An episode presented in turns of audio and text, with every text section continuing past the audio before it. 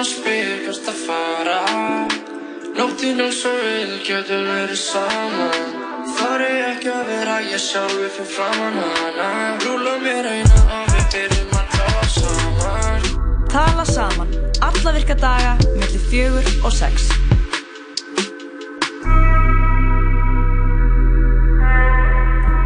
Já, tala saman hef, hefur nú gungu sinna og við erum hérna með ykkur í dag til sex. Jón Kristoffer og Lóa Björk. Jú, góðan og blessaðan daginn. Það er uh, þokkalega þéttu þáttur hjá okkur í dag. Við ætlum að fá hana kvimda sérfræðingin okkar Brynju Hjálmsdóttir til okkur eftir áskamarstund. Hún ætlar að fara yfir nokkur svona essential, uh, svona, hvað, hvað segir maður, queer myndir, Hinn segir myndir. hins egin myndir. Fyrst að það er nú gleði hana vikan, eða hins egin vikan að ég er stað og gleði gangan á, á uh, lögdægin Já, Páll Óskar að taka þátt í síðasta skipti. í síðasta skipti. Það er frekar huge. Það er huge. Hvað ætli hann fara að gera þá? ætli hann bara, Ætla hann fari ekki út með eitthvað ætli hann bara kalli? vera straight ja, Nei. Nei, þetta var ja, maður virkar ekki þannig maður velur ekki hana, hver maður er maður er bara eins og maður er Já, það er rétt. jú, jú. Þetta vitum við öll. Þetta vitum við. Óskari. Það er, uh, það verður röglega skemmtilegt í Reykjavík hérna um helgina, sko. Já, það verður geggja, það er fullt tungl og gleðigangur á lögdægin það verður eitthvað madness Já. í bænum Svo náttúrulega er, það er búið að vera stór vika á netinu, Jói. Þú kannski, hvað var að segja, svolítið svona byrjaði með svona bæng um helgina bæði þegar að forsiði við tal við Ronny og Mói sem var um heimafæðinguna jú, jú, jú, jú. og svo náttúrulega Jeffrey Epstein. Einmitt. Eh, Þetta eru svona tvö ristur mál og uh, kannski að svona sitt kom toga en jú, jú, já, fyrir. en svona sem kveikja í kommentarkerfum, jú, sko. jú.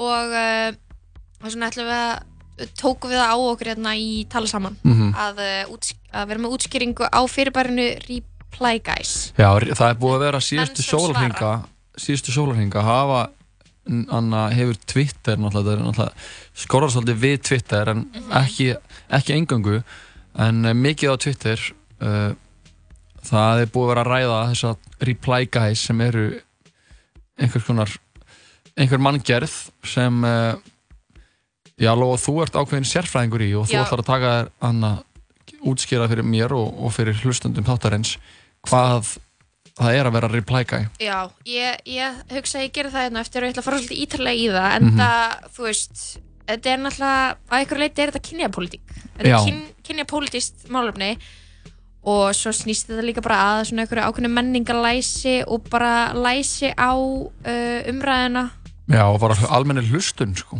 Þó að maður sé ekki í raun og veru á Twitter þá er hægt að það er í alvörun hægt að yfirfara þetta yfir á bara öll sviði lífsins. Mm -hmm, og þú er svona stóri reply-gæðin í mínu lífi sko. Er ég? alltaf að svara allir sem ég segi hérna í útvarpinu. Nei, Já, ég er að djókja ég er að djókja Já, ég, sk- ég skal alveg gangast við því að ég er reply guy Mhm. Ég sem prófa á eftir að ég er ekki reply guy og sjá hvernig það gengur í þættinum þá. og ég tala bara Já. og það fæ ekkert svar. Já, Herðu, þetta er svakalegt. Og, en uh, við fáum fleiri gesti til okkar. Það er náttúrulega verður uh, það er menninga miðgudagur já, menninga viðdag Mhm. miðvikudagur. Megum við gleyma því, aldrei gleyma því. og það sem er að gerast er náttúrulega það er uh, eru hérna stelpur sem er að blása lífi í myndlistasennina Mhm. í Reykjavík. Það verður viðburður eða myndlistasýning opnun í eins og það er kallað í Garðskálanum við Norrannahúsið Ok, sem að heit sýningin ber heitið í stílu persónleika hans látna. Einmitt. Ætlum að fá til okkar uh, fulltrúa úr þeim hópi listamanna sem taka þátt. Uh, það verða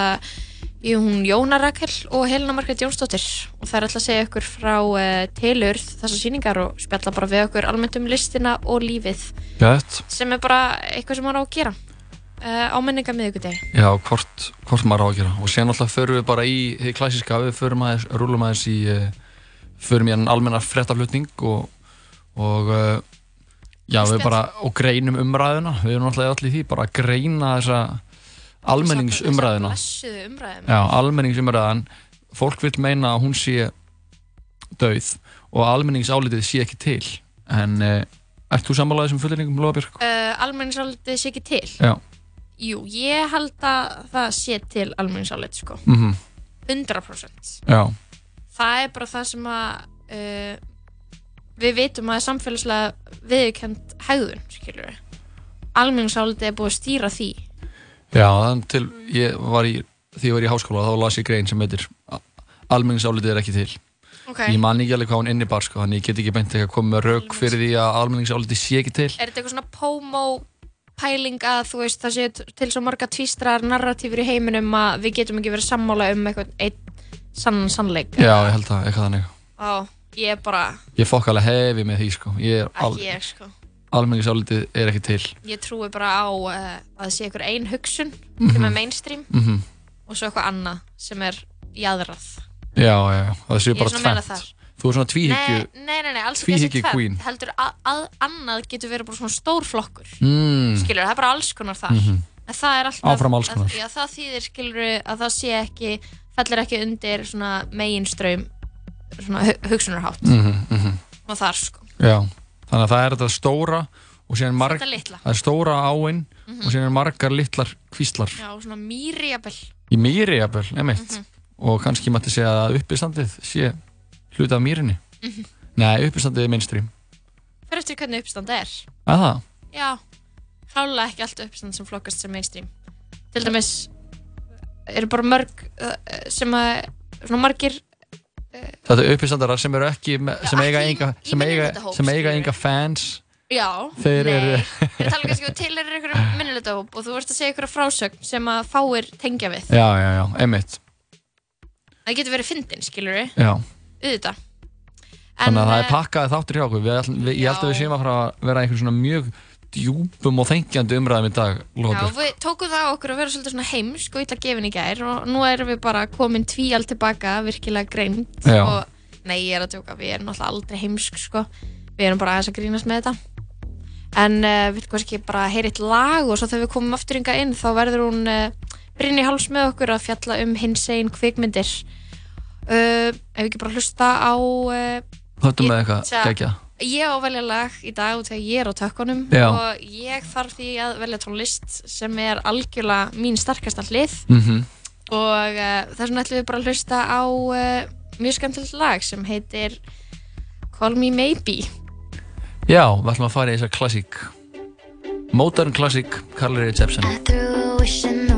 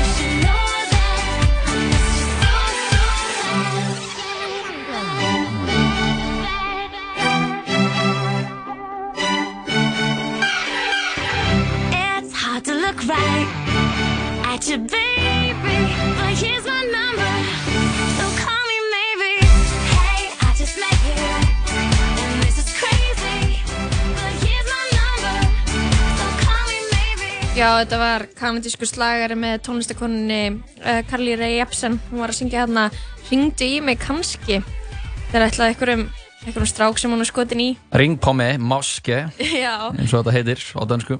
En þú ert að hlusta auðvita að sjálfsögðu á Lóu og Jóa í tala saman og við erum komið með uh, æðislega til okkar. Það er hún Brynja Hálmsdóttir. Hvað segir gott Brynja mín í dag? Mjög gott. Nú ert þú kvikmynda sérfrængu þáttarins og þú varst henni í síðustu viku að tala um Quentin Tarantino Já. og nýjastu myndina hans, uh, Once Upon a Time in Hollywood. Mhm. En uh, nú ertu komin í uh, öðrum. Já. Ekki að tala um Tarantino aftur. Nei. Það væri gaman Það væri gaman. Það verður rúglega hægt. Tarantino hverjum einasta fimmtudegi, nei, miðvikudegi. Miðvikudegi. Tarantino sérfræðingu þáttarins. Hún hefur komin inn að verja og það ræði þetta við okkur um. Ég horfði hins vegar á Hateful Eight Já. aftur. Já. Það er góð mynd, sko. Já, og horfði líka svona á Netflix útgáfana Já. sem uh, er uh, fjóri klukkutímar. Næs. Já, Ég sem er skipt, skipt upp í fjóra hluta og þetta er svona eins og þættir. Það er svakalegt. Þá, og hún á líka að koma, nýja, hún var sem að tæmina Hollywood, á líka að koma í svona. Já, er ekki. En nóg um Tarantino í bylli. Já. Brynja, þú ert komin til okkar til að ræða þessum uh, hinsegin myndir. Já, ég hef hugsað að það væri nú svolítið viðeigandi í hins, hins einn vikunni, eða þetta er hvað, tíu dagar, hins einn dagar? Hinsegin tíu dagar. Já, hins einn tíu dagar. Já. Og uh, þannig að mér dætti í huga að svona mæla með nokkrum góðum, sko. Mhm. Og það eru náttúrulega svona margar kannski fræga myndir, þú veist Rocky Horror og Priscilla Queen of the Desert, sem eru uh, svona mjög þekktar svona, svona kamp og, og queer myndir. Já, já. En mér langaði að nefna svona nokkar svona persónlegar svona uppáhald, sko. Mhm. Og þá ætla ég kannski bara að byrja að nefna hérna Pink Flamingos eftir uh, John Waters og hérna sem er mynd sem er með hérna, dragdrótningunni Divine í aðalhuturki Ok. sem er, uh, hún er sjálfsögðu mikill bara bröðriðandi í Mhm. dræginu og uh, John Waters gerði myndir sem voru mjög svona sjokkarandi á þessum tíma og hann hefur gert alveg þekkta myndir eins og Cry Baby og Hairspray og, og svo Einmitt. en gerði líka alveg bara svona mjög brjálaða myndir svona snemma á ferlinum, mjög svona heimatilbúnar og svona lo-fi myndir. Og oft með mjög mikil áherslu á um, alveg bara svona brjálaðislegt kynferði og líka kannski bara svona morð og blóð og, og svona klikkað dæmi. Og þetta er alveg frábær bíómynd og ég kefti hana á- á DFD í Fraklandi þegar ég var 14 ára eða eitthvað svoleiðis. svo horfði ég bara á hana bara svona bara einu svona dag bara. það var mikil, mikil uppgötun Hvernig kemur þessi mynd út? hún kemur 70 og eitthvað nú man ég ekki, 71 kannski bara Mhm. hvað svo leiðis hún er svona aldrei svona snemma, já. já, algjörlega sko Hvernig fannstu Pink Flamingos í Fraklandi þegar þú varst 14 ára? Varstu Ég- bara ótrúlega arti krakki eða? já, ég var Já. svolítið svona Já. segi Jóhann Nei, ég var það sko en hérna, ég var líka bara svolítið aktivt að leita að henni ég fór í DFT búð og ég var bara er þessi Já. mynd til Já, af því já. að það voru bara svona nokkra myndir sem að, sem að ma, mér, ég var búin að afla mér upplýsingar og maður yrði að sjá Mhm. og það var þessi mynd þar á meðal Mhm. og eftir það var ég mikill aðdáðandi John Waters og hérna og finnst þið bara eiginlega alla myndir hans vera mjög góðar Mhm. og hann er alveg sér á báti sko og hérna og hann var einmitt að vinna mjög mikið með ekki endilega faglarðum leikurum heldur um bara svona fólki einmitt úr hinsegin og svona hippasenunni í Baltimore og hérna þá nýðurstaðan er alveg bara svona alveg bara svona 100% svona handmade mynd og hérna og rosa mikið bull og rugl en ótrúlega mikið snild á saman Mhm. tíma Svona fersk stemning. mjög fersk en Já. hún er líka sjokkarandi og ógísleg Getur þú sagt okkur eitthvað um svona söguþráðun eða þú veist hvað Já. hvað er aðstæðanar í bíómyndin eru? uh, Divine á fjölskyldu uh, hún býr með sinni sínum og móðu sinni og hérna og kærustu svona síns held ég Mhm. og þau eru í keppni við aðra fjölskyldu um að vera uh, the filthiest people alive og þau eru svona í keppni um hver getur verið viðurstyggilegri Já, en hinn saurugasta fólkið. Já, einmitt. sem að er einmitt tölvöld af saur og mjög almennt, a- alræmt atriði þar sem að er þar sem að Divine innbyrðir uh, hundaskít og þetta er svona ef fólk er spennt fyrir ykkur svoleiðis þá er þetta rétt að Þá er myndin þetta rétt að myndin fyrir ykkur. Já 100% sko. 100% Fyrsta myndar á listanum, Pink Fyrsta Flamingos myndin á eftir listanum. John Waters Svo uh, er gott að nefna hérna, heimildamindina Paris is Burning Já.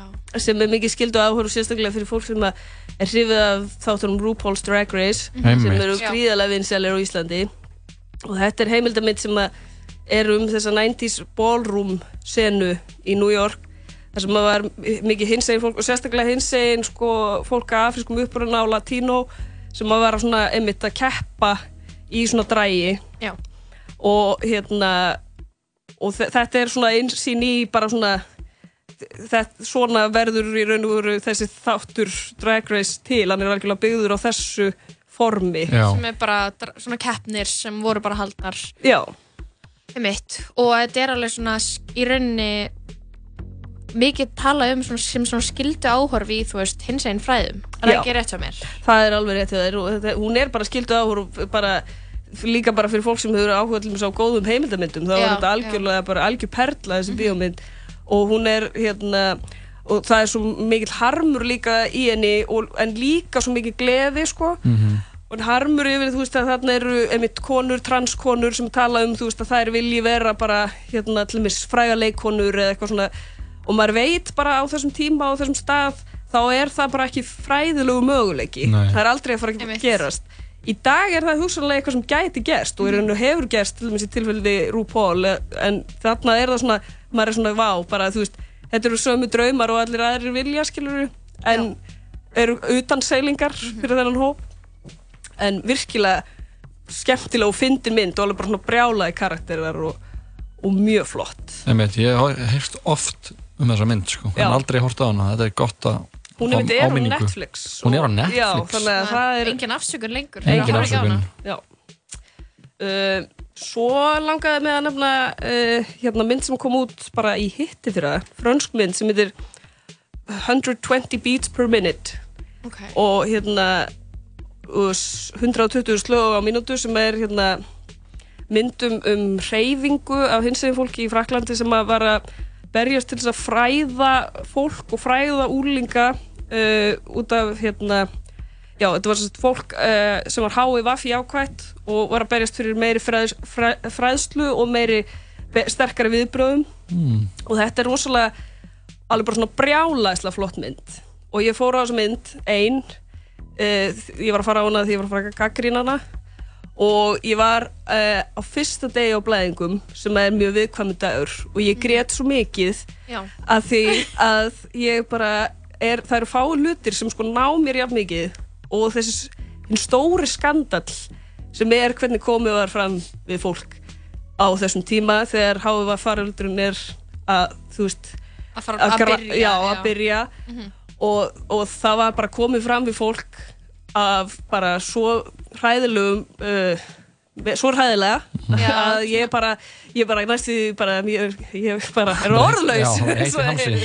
Við erum bara heitt í hamsi. Það er mikilvægt að þekka þessa sögu. Þetta hefur ekki alltaf verið eða, Pride hefur ekki alltaf verið eins og þessi viðburður sem að er í Reykjavík. Mm það er einhverjar, þú veist, sögulega rætur og alls konar óréttlæti sem fólk hefur verið beitt Já. sem er bara mjög mikilvægt að, að þekka þó að við séum í mjög svona, tiltala opnu samfélagi. Já, ég held það sko, ég líka, einmitt, það er náttúrulega því verður ekki breytt hvernig þetta var, til dæmis eins og með HVV-faraldurinn, að þú veist, það var, hlutunum var ekki tekið alvarlega og fólk fekk ekki almennilega fræðslu, þú veist, það fólk var bara sagt hættu, þú veist, að vera gay í staðin fyrir að nota verjur, eða, þú veist, þetta voru bara svona fáráleg viðbröð, uh, en það er eiginlega bara núna sem er verið svolítið að fjalla um þetta, hvernig þetta var líka bara fyrir fólkið, af því að, þú veist, fyrir okkur er óhugsandi að hugsa um, þú veist, að allir vinir okkar eigi hættu að deyja bara, helbrygt ungt fólk. En þetta var bara raunveruleikin sem fólk horfist í augu við. En 120 beats per minute um, er um þetta í Fraklandi og það sem þetta var rosalega tabú, þráttur að maður finnist eins og frakkar séu svolítið svona, svona opnir kynferðslega. Já, það er nú samt bara eitthvað svona með eitthvað pakett og eitthvað Já, ná, það er nákvæmlega. eitthvað bróna brauð sko. En það er einmitt, þeir voru mjög mikið, mikla tebrur í kringum þetta sko. Já. Og þetta er ótrúlega falleg og flott mynd og ekki bara sorgleg sko. Hún er líka mjög bara cool og fyndin. Já. Það er gott að það er ekki bara sorg, sko. Nei, það er, að því að það er ekki þetta að vera Já, alltaf það er bara erfitt. sorgmætt. Nei, maður er bara sorgmættur. Hvað eru, hvað eru, hvað ertu með marga mynd- myndir að lista? Hvað er ég búin að segja með- Þrjár. Þrjár, já. Já. Ég spá hvort við ættum að stá óskalæðið þitt Já, og, koma síðan aftur Já, og við er klárum hann að lista uh, Brynju Hjálms yfir góðar myndir, hinsegin myndir til að horfa í hinsegin, á hinsegin dögum. Uh, Er jöp. það ekki? Heldur Það er lagið I Can't Stand the Rain með Ann Pebbles. Uh, segi ég það þannig? Já, Já, segðu það bara þannig. Já, Pebbles. Já, ég segi það. Uh, Peebles. Æ, þetta er allavega gott lag.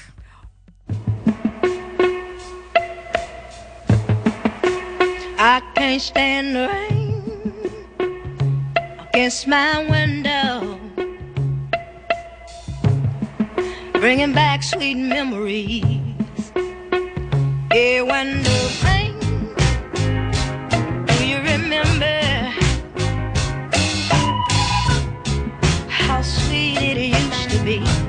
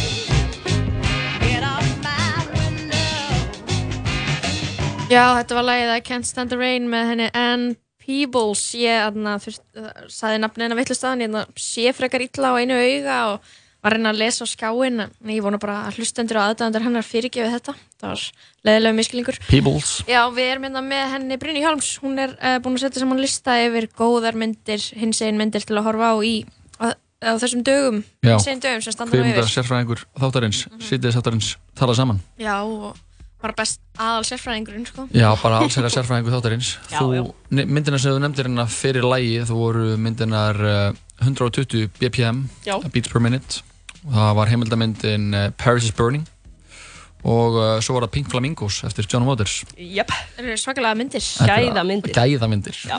Hver einn einasta. Hver ein og einasta. En hver, hverjar eru eftir á þessum gæðalista? Herðu, ég ætla að nefna eina uh, lesbíumynd. Þær eru nefnilega aðeins færri.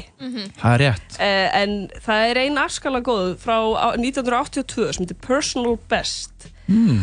og er svona íþróttamynd Já. og er líka uh, það er ein svona bara opaslega áhugaverð sem íþróttamynd af því það eru oft svolítið svona svipar þannig að fólk er að æfa sig og svo fer það í keppni og vinnur eða Já. tapar. Það er eiginlega bara svo, þannig. En þetta er miklu meira svona komplex veginn sín og þetta er svona sem sagt, um tvær konur, ein yngri kona og eina aðeins eldri og þeir eru báðar í, eh, í svona frjálsum íþróttum. Og þessi yngri er rosalega rosalega efnileg og, hérna, og þessi sem er aðeins eldri og tekur hana svona undir sinn vendravæng og svo verða þær ástfangnar. Og þetta er bara svona mjög svona svona spennandi og romantík og ástasaga og sama tíma eru þær líka í, í sportinu og eitthvað svona og svo kemur svona uh, svona, einmitt svona turning point þar sem að hún hérna Chris held ég hún heiti hérna, þessi unga og efnilega hún hérna fær nýjan þjálfara og hann svolítið svona, svona slítur þeim í sundur eða svona Ok. og hérna og þetta er mjög dramatisk mynd og, og, hérna, og mjög spennandi Er hún gömul? hún er frá hver- 82 Það lítur að, þú veist, var þetta indie-mynd þá eða þóttu þetta svona, eða skilur þetta lítur að vera svona sérstakt viðfarsefni, eða skilur Þetta var þannig og það sem er líka sko merkilegt er að hún er svona spolti framsækin á sinn hátt af því að þetta er ekki bara mynd um að vera hinsegin eða vera eitthvað svona úr Nei, skápnum einmitt. eða eitthvað svona, þetta er bara mynd um tvær íþróttakonur og svo verða þær ástfangnar og það er, þú veist, svona uh, líka var svolítið merkilegt á þessum tíma þegar hún kom út þá var þetta til dæmis sko, spila rosalega mikið niður í svona auglýsingaherferðum og, hérna, og myndin floppaði þetta aldrei síðan þegar hún kom út af því að það fókusur allir á þetta en það var þetta, er þetta eiginlega merkilegast hlutur við myndina þó Já. myndir sé líka góð bara í sjálfu sér sko, já. já. Mhm. en hérna þetta var raun og verulega frekar rótækt á þessum tíma sem hún kemur út sko. og hún svona það, sko. stendst alveg ágætlega tímans tönn hún svona, það er kannski svona smá element af svona æ, að þetta hafi kannski bara verið eitthvað svona fling eða þú, þú veist ekki Ok. kannski kynneið heldur bara eitthvað svona tilrunastar sem bara já, eitthvað svoleiðis en þú veist, en þetta er samt alveg alveg classic mynd og hún er mjög góð Já, og má mæla með henni sko Æði. Ok, magnað. Svo ætlaði ég kannski að taka síðast bara einmitt, alveg glænýja mynd sem heitir Knife and Heart. Og var synd á Riff í fyrra. Ok. Og er eftir uh, uh, fra, franskan leikstjóra held ég eða kandískan, nú mann ég það ekki. Jú, franskur held ég. Jan eitthvað. Jan González heitir Jan hann. González. Jú. og hérna og er svona svona slashermynd eiginlega. Og er hérna um uh, konu sem að er uh, leikin af uh, Vanessa Paradís sem er mm. mjög skemmtileg leikona og hún er sem sagt uh, leikstjóri. Og í upphæði myndarinn er henn- henni dömpað af kæristunni sinni. Og hún ákveður að gera mjög svona krassandi slasher uh, klámmynd. Sem Vá. er innblásin af uh, af raunverulegu morðum sem er að eiga sér stað í svona uh, í gay senunni í Yes. hérna París Vá Ok. og þetta er svona allt mjög sexy og, og svona blóðugt Ok. og hérna mjög flott og skemmtileg mynd og mjög svona, þetta er mikill svona Brian De Palma feelingur mm, í henni Svona noir einhver svona noir, hún er svona bleikur og blár og sterkir litir og, og svona mjög mjög flott mynd og, Og bara skemmtileg ný. hún er bara alveg ný, hún kom bara í fyrra Mhm. Ok. Vá, hljómar ógslag vel. Ég, ég elska þegar svona ógeði og ást er blanda saman. sko. Já, Einmitt. þá best heima saman sko Er? Einmitt. Le Petit Mour Eins og við segjum hér í útvarfinu Já. Já.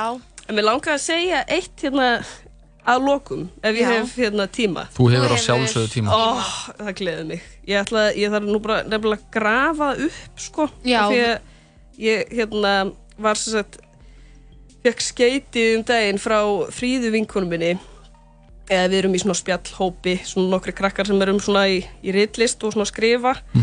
Og hún sendi okkur, hérna, svona leiðbenningar sem að voru fyrir, hérna, e, svona smásagna keppni sem að hún var að taka þátt í og þar voru leiðbenningarnar uh, svo ég segja það bara á ennsku Já. þá er það svona what we don't want we have had a surplus of and are so putting a moratorium on fiction about white American men and their dull accoutrements gasoline, cigarettes, whiskey, fighting, sitting around, dogs and the military. If you insist on sending us a story about these topics and about this type of character, please, for the love of God, make it a satire. Þannig að það er, þetta finnst mér rosa fína er svo leiðbendingarnar í þessari keppni er að það er bara bannað að senda mynd um uh, ameríska hvítakalla sem er ekki að sígarettur Já. og hata lífið. Já Af því að það er bara nóg. Það er búið, sko. Er það Er á? Clint Eastwood eða? Já, Hann er kannski eitthvað aðeins að fara endur skoða já. Já, Sín sko, efnistök mér finnst alltaf magnað þegar að einhver- einhverjir ungi kallmenn fara og ger, gera einhverja list eða það er einhver list um unga kallmenn og hún er bara svona virkar fullkomlega eins og satýra á svoleiðis Já. efni en er það ekki? Og maður er eitthvað ó, þú ert aðeins í alvörunni. Já, ok, herru það glemd, það glemdi ykkur að segja þér. Senda þér eh, leiðbeiningarnar. senda þér smá leiðbeiningar. Þess vegna finnst mér bara svona í sambandi við þetta að vera rosa gott að það er að koma rosa mikið efni bara eins og sjómarstættir er hérna Pose sem að hérna eru mjög fínir þættir þú veist það er raun og bara sábóopera hún er ekkert öðruvísi en aðra sábóoperur en það eru allir einhvern veginn hinsegin eða trans í hérna í þeim þætti. Og það er einmitt sumir haldaði kannski fram að það sé eitthvað svona tískubilgja veist, að það sé mikið efni að koma núna með hvern karakterum eða hinsegin karakterum eða einhverju karakterum sem eru ekki hvítir og, svoleiðis, og ég meina það er kannski bara búin að vera svona löng tískubilgja af þínum gagstæða og það er kannski bara ágætt að það sé það sé kvílt Það sé smá, hvílt aðeins. sett á hilluna. Algjörlega. Já, og það er uh, eitthvað, eitthvað af þessu myndum er að finna á Netflix. Aðrar Já. þarf maður kannski bara að kaupa eða hala, hala niður. Eða fara á fara bara á bestu víðulegu bæjarins. Er vídeolega í bænum ennþá til? Aðalvídeolegan Aðalvídeolega á, á klappastíg Jú, jú. Já. Og svo fyndi þegar ég ætlaði að leiða spóluðar fyrir nokkrum árum þá var ég bara beðin um nafn og kennitölu og ég er eitthvað ákveður í guð annar bænum þarftu þessar upplýsingar? Nema að fæna alltaf bara Facebook at mínúti eftir að maður gengur út með myndina. Og ég er ekki að reyna að slandera þessa vídeolegu Nei, En, þau eh, þurfa alltaf bara að halda uppi að ég er tíman bara með customer service review sko Mhm. um aðalvídeoleguna er það notana eða? Já, já. Ok, það er magnað Ég þarf að fara hana, ég hef ekki farið Ég, finnst gaman að fara og, og leifa þeim eða bara ráða hvað ég á að horfa á. Einmitt. Ég vinunum sem, eða feðkonum sem vinna þannig Já, emitt uh, Herru, við vorum að tala við hana Brynju Hjálmsdóttir. Við ætlum að kveðja hana með þennan góða lista í höndunum. Heldur sem betur. við munum að sjálfsögðu miðla áfram til hlustandi okkar. Uh, Heldur það ekki, Jói? Það held ég og það veit ég. Það ábyrgist ég. uh, Er Brynja? Góð spurning. Ég ætla að bóla pítsu held ég. Það er, Það hljómar eins og plan. Það er besta leiðin til að fagna hins einn menningu, eða ekki? Bara bara pítsu og hafa það gott. Nei, ég fenn nú í gönguna og svo. Já, auðvitað. um að vera. Það er fullt tungl. Já, og við ætlum bara að heyra lag með henni Lissó og svo verðum við hérna uh, aftur saman eftir smá. Já, við ætlum ekki að láta okkur hverfa. Brynja, þakka kærlega fyrir komuna. Ó, takk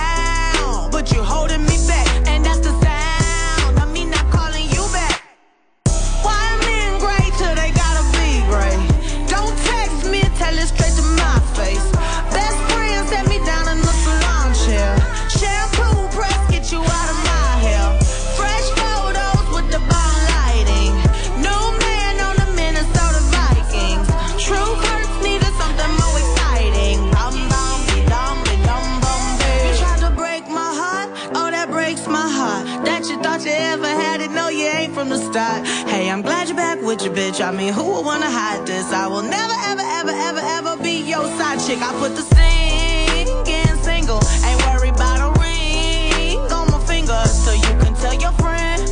Shoot your shot when you see him. It's okay, he already in my DM.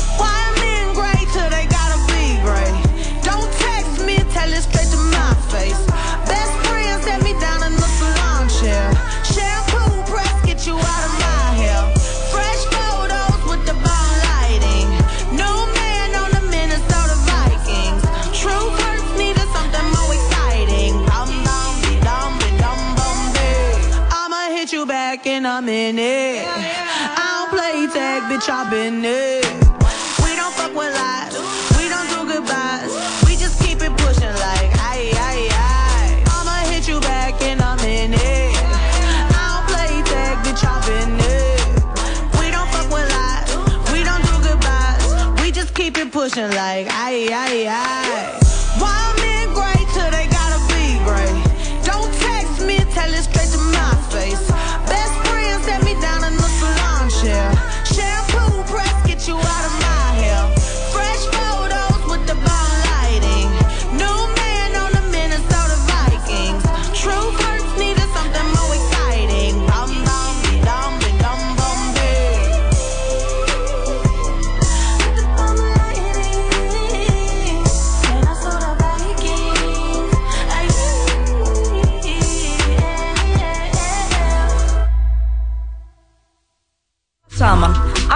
Alla virka daga millir fjögur og sex. Í bóði Dominos og Once Upon a Time in Hollywood. Frumsýnd 14. ágúst. Hamburgerabúla Tómasar, sam og seinast. Hamburgerabúla Tómasar. Here I come. Níunda kvikmynd Quentin Tarantino Leonardo DiCaprio I'm Rick Dalton. Brad Pitt Here comes trouble. Charlie's gonna dig you. Once Upon a Time in Hollywood Frumsýnd 14. ágúst Hlustaðu á okkur á netinu á 101.life. Girl, why are you playing with me? Girl, who are you playing with? You been on that new stuff. I've been on the same shit. Girl, why are you playing with me? I don't got the time for that. Might need me a refund. I'ma need that time back. Say you'll try. I've heard that line a thousand times before. I'm not sad, I'm not crying. If you mad, that's fine. But I think that I should go.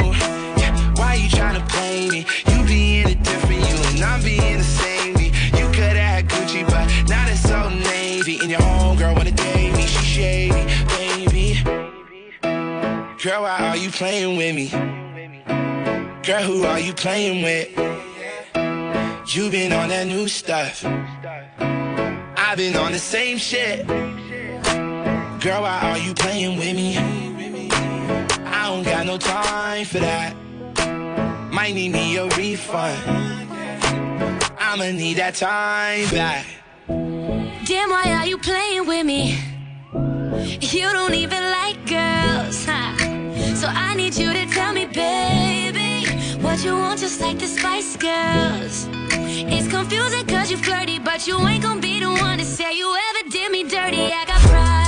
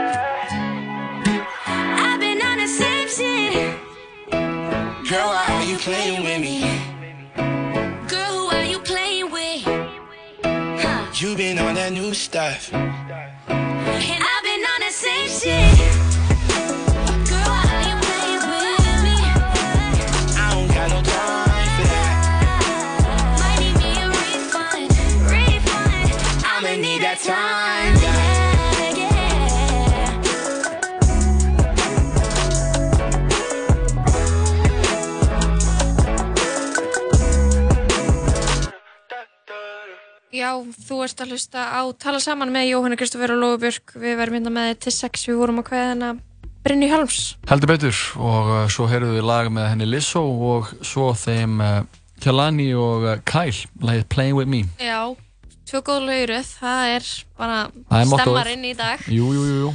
um, Já, hún Brynja, hún var að segja ykkur Hún var að, hún sett saman lista Af uh, bestu, bestu queer myndunum Eða svona, eða sínum eftirlætis Já. og Sem hún mæli með fyrir uh, áhorf Í þessari viku. Já, heldur betur. Það er uh, gott að geta fengið svona svona, að því maður getur náttúrulega bara að fara á IMDb og leita bara best queer films bara og, og tekið einhvernuna Já, við treystum ekki IMDb, Nei, sko. við fáum til okkar uh, kvimta fræðing Já, sem, hún er eh, mentuð í þessu. Mentuð í þessu og uh, með gríðarlega reynslu upp nú að horfa á 100.000 myndir. Hún var líka að segja okkur sko að, að fyrsta myndin á listan var eitthvað sem hún fann í Fraklandi þegar hún var 14 ára. Já, Hún er bara búin að vera að skoða svona dót síðan þá sko. Já, alveg bara síðan way back when Já, það er bara eh, eðislegt. Við ætlum að fara, færa okkur úr uh, hins eginn kvimdum yfir í um, allt aðra salma, Lóa Björk. Það Já. sem er búið að vera í gangi núna uh, og ekki bara núna en svona það er búið að umræðan er farin á stað um þetta fyrirbæri og uh, þetta fyrirbæri hefur verið, verið viðlóðandi umræðuna mjög lengi en núna fyrst er svona farið að setja ákveðin stempil á og jafnvel mætti segja að það sé orðið ákveðið tabú. Uh, það sem við erum að ræða er, er uh, þetta fyrirbæri eða fenomenon eins og við kjó- kýsum, kjósum að kalla það Mhm. reply guys. Já, og, þú ætlar að útskýra fyrir mér og hlustandum hvað reply guys eru. Já, akkurat sko. Þú seg, að nú, nú komin ágætist tími sem við vorum komið með orð yfir þetta fyrirbæri. Reply guy, það er einhver, einhver, einhver ár sko. Einhver ár? Já, ég held það. Já, ég Og- var ekki að va- var um það fyrir, um Fyrr en- það fyrir bara núna á þessu ári held ég. Ok, og þá er þetta, þetta komið inn í svona mainstreamið að, að tala um uh, svona típur sem reply guys og þetta er náttúrulega kemur aftur inn í umræðinu núna í kjölfar sko forsýðu viðtalsins við Ronja Móensen uh, þar sem hún er að tala um heimafæðinguna sína. Einmitt. Og þetta, það er svona ótrúlega gott að skoða það eins þegar þar erum við að tala um bara kona á forsýðinu viðtal tekið við konu af konu um fæðingar sem að uh, er eitthvað sem bara konur upplega að fæða barn Já, nema alltaf menn nema sitja alltaf inni að þú og, ert vitni skilur Já, og fá sig þú- kannski þú að ger- rækju samlöku með aðeins en þú, þú veist, þú gerir það ekki sjálfur þótt þú sjáir það skilur Nei. getur ekki einhvern veginn gert þér í hugalend hvað það er eða hvernig það er Nei. en þú getur séð það Mhm. þú veist. ok, þá etna, erum við að tala um að reply guys í því samhengi það fóru ýmsir menn á netinu að tjá sig um þessa frásögn Mhm. og uh, kommenta á það sem aðrar stelpur voru að segja um hana og svona Mhm. En í, sko, í grundvallar atriðum ef við erum ekki að Þú um, erum ekki fest okkur við þetta dæmi Nei, strax nei, en í grundvallaratriðum er sko reply guy manneska sem er að svara að finnur sér knúin til að svara með einhverju ótrúlega boring eða ómerkilegu svari getur einni verið svo kallar mansplaining, svona Hrútskýring, eða já. þá um, að kalla á eitthvað svona aðtegli frá þeim sem er að tvíta og þetta er oftast eitthvað svona samskipt sem eiga sér stað á milli kalls og konu það sem að, þú veist, kona fær ekki að, veist, og núna er eitthvað að fara að segja byrju, hei, erum við ekki hérna á sem meðli fyrir skoðanaskipti skilur, og ég er bara að fara að segja við því jú, skilur, Mhm. en þetta reply á íslensku, þetta svar Þetta svar það er Andsvar. ekki, þetta er ekki svaravert skilur, þetta er bara eitthvað þú veist, þetta næstu því kemur ekki því sem ég sagði við Nei, Þú ert kannski ekki beint raun- að leita eftir oft, e- ef ég svona fæ að að segja segja. Já, Já. eins og þetta lítur oft út fyrir mér þá, uh, þá eru svona reply guys Mhm. meira að reyna að taka þátt í einhverju stemningu meira að reyna að fá að vera með í einhverju stemningu Ok. og vilja segja kannski legg koma orði belg Mhm. en eru gersamlega sko uh, sko blindir á hvað í rauninni þeirra innlegg í þessu umræðu er óþarft er óþarft Ok, já. og hvað það bætir litlu við og hvað það er oft líka ófyndið já, og það er líka, það er líka einn núans á þessu jói að Mhm. reply guy er Mhm. manneskja þú veist, núna þekkjust við Jú, jú, og þú, þú getur ekki verið reply guy þegar þú replyar á tweetið mín, skilur Nei, það ekki. Nei, þú skilur mig, þú veist alveg hvað ég er að fara að tala um og þú ert að fara að svara með ykkur finnu, skilur Já, en já. ok, þú ert ef þú ert manneskja út í bæ sem að við höfum aldrei interaktað áður Nei. og þú atna, svarar tweetinu mínu með einhverju sem er bara, bara leiðilegt skilur Mhm. en lætur eins og við þekkjumst og lætur eins og ég eigi að svara þessu. Já, það er reply guy. Já, svona að krefjast aðtegli frá þeim sem emitt og láta eins og við séum einhvern veginn í einhverju samskiptamunstri sem er bara alls ekki til. Nei, hann er hann að svara maðurinn köllum þetta bara eins og þetta heitir á íslensku. svara maðurinn Já, svara maðurinn, hann er týraþannarsamur Mhm. hann krefst aðtigli en án þess að hafa unnið sér beint inn fyrir henni. Þetta er náttúrulega Þetta er það er svo mikið kynjapólitík í þessu. Við erum bara að tala um, skilur, við erum að fara alveg í rótina á, sko munun, munun á bara hvernig kallmenn og konur eru alveg upp og hvernig, veist, hvernig við þóru þeirra væntingar eru til samskipta. Já, menn eru frá Mars, konur eru frá Venus. Enga veginn. Ég, hef alltaf litið svo á að, að menn séu frá Mars og konur frá Venus. Já, en sko verið að- þeir eru úr instaning Kelvis. Nei, ég er að djóka. En ok, það er náttúrulega, það er líka hægt að tala um sko, við getum líka aðeins uh, snert á því til dæmis hvað var eitthvað svona ek, ekki kynferðislega áreitni en að vera svona kynferðislega óviðeigandi. Já, Þú en veist, það er, er, er það líka? undir þessum flokk reply guys mm. og þetta er bara þú veist, við getum bara kallað þetta það sem þetta er þetta er internet catcalling. Það er það sem reply-gaurar eru. Já, ok, þú, við erum komið þangað já, bara. þú veist að lappa niður göttuna þú veist, minding your own business skilur, þú veist bara að lappa og þá er eitthvað bara ey, sæta, wú, eitthvað svona vill aðtegli frá þér. Já, þú veist, það er það sem, að sama í, í grunninn sem að reply-gaur er að gera. Mm. og þú veist, ég er það svo mikilvægt að hafa í huga þarna, ég er ekki að tala um það að kallmaður svari einhverju á netinu þetta er, þetta er annað dæmi þetta er taldið sértækt þetta er, þetta er leiðilegt svar þetta er hrútskýring eða mansplaining eins og það er kallað ennsku Já. þetta er lauflétt kynferðslega áreitni eða eitthvað svona eða stundum, ég hef stundum tweetað einhverju og ég fætt svar þar sem að manneskjan er búin að veist, gera tweetið mitt eitthvað svona kynferðslegt Þú veist, eða það var kannski ekki það sem ég laði upp með mm. það er svona go gott Getur svar þú ekki með dæmi?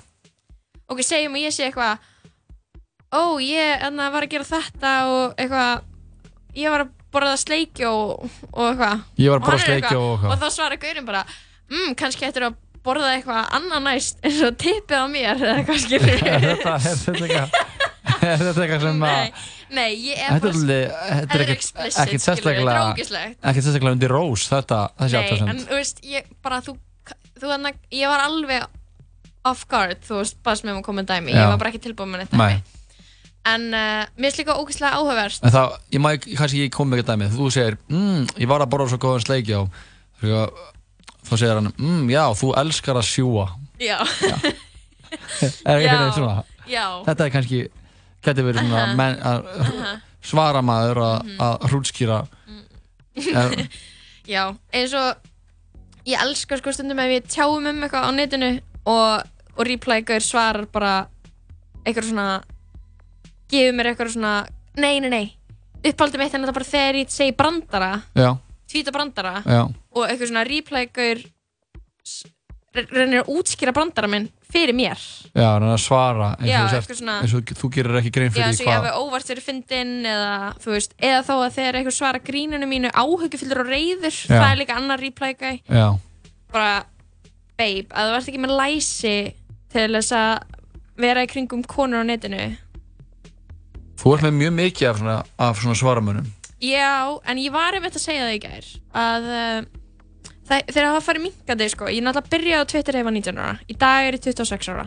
Þú er búin að vera á Twitter í Nei, betur, ég byrjaði jafnvel fyrr, já, 18 þú ára byrjar alveg fyrr. Já, ég byrjaði eitthvað aðeins fyrr. Já. Ég er alveg búin að vera á Twitter síðan 2011 alveg í átta ár. Mm Alveg bara consistently, skilur og farið gegnum svona alls konar tímabilar. Einu sinni verið cancelled þannig árið 2015 og mér var bara algjörlega fleikt undir strætóin. Já, var þér? já, af góða fólkinu. Svo átt- átti ég Hvað- eitthvað það? endurkomi ég var bara að segja eitthvað ógeðslegt grín. Já. ég fó bara, ég fó bara yfir já, en á þessum tíma hef ég tekið eftir því að frá því að ég var tvítug já. og þangað til í dag þegar ég er 26 ára Mhm. þá hefur veist ég var leiðilegri þegar ég var tvítug. Ég var leiðilegri grín. Ég var svona aggressívari og þú veist svona Andstyggilegri. já ég var svona minna spá í hvort að allir myndu fatta grínum mitt skilur Mhm. það er bara þannig sem það er þú veist úrlingur þú ert Já. bara að segja grín og þér þú er ert bara drullu sama já þú ert ekkert eitthvað svona æ það fatta þetta eru ekkert allir og þeim finnst það kannski bara að vera leiðindi og ekkert fyndið. Einmitt. svo er, er kannski aðeins búin að minga það eitthvað töluvert en samt hefur þessum, þessum replay-gaurum hefur náttúrulega fækkað því ég er hann eldri. Mm, þeir voru meira að svara mér þegar ég var 18 ára. Já já, mér það, finnst það ógslag áhugavert í þessu sko. Það verður einhvern veginn að stíga skref í átta bjartari framtíð. Nei, Ef- nei, nei, ég heldur að maður fækkað þegar ég er hann eldri jói. er það? Já. heldur þeim ekki bara fækkað? Þetta er bara þegar þú veist, ég er eitthvað skilur 20 eða 21 árs og þá eitthvað heldur að, er að því að eitthvað þú ert orðin svo kona já, því að þú ert orðin svo gömul. Já, ég er bara nálgast 30 skilur Já, þá Þeir séu geta menn ekkert verið að eitthvað reply gæja mig þegar ég er hann þrítug, skilur við Nei, kannski ekki, nei, það, já, heldur þetta sé svona þetta sé svona valda baróta, Það hefur eitthvað með aldur að gera. Aldur og jafnvel fyrir störf. Mm Nefnilega, aldur og fyrir störf. Já, Herru, þetta var uh, útskýring á reply guy fyrirbærinu sem að tröllriður internetinu um þessa myndir já og, og þetta var útskýring jáframt, ef við getum kjarnað þetta í einni setningu guy er, er Gaur sem svarar með óþarfa upplýsingum sem enginn baðum á tvít hjá konum. Bara já, þetta er bara skjalfest, svona já. já, þetta er skjálfest þetta. Já, þá getum við sett þetta bara í orðabókina. Uh, Já, og uh, netorðabókina netorðabókina, ég held að maður hlusta á lagi Talk með uh, Sturla Atlas. Já. en það er svona daldi viðandi uh, texti í því lagi í þessu samingi sem við vorum að ræða Reply Guys, við komum aftur til smástönd við fáum til okkar hana Jóhann Rakeli og Helenu sem að segja eitthvað frá lýsinsýningu sem er á sér stað núna um helgina og uh, förum við fréttir og fleira. Þannig að ekki fara neitt sítið satturinn að tala saman heldur hér áfram eftir áskumar stund.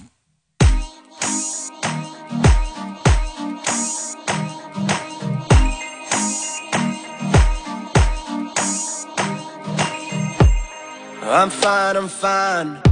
Since you been gone, girl, I've been getting by, getting by.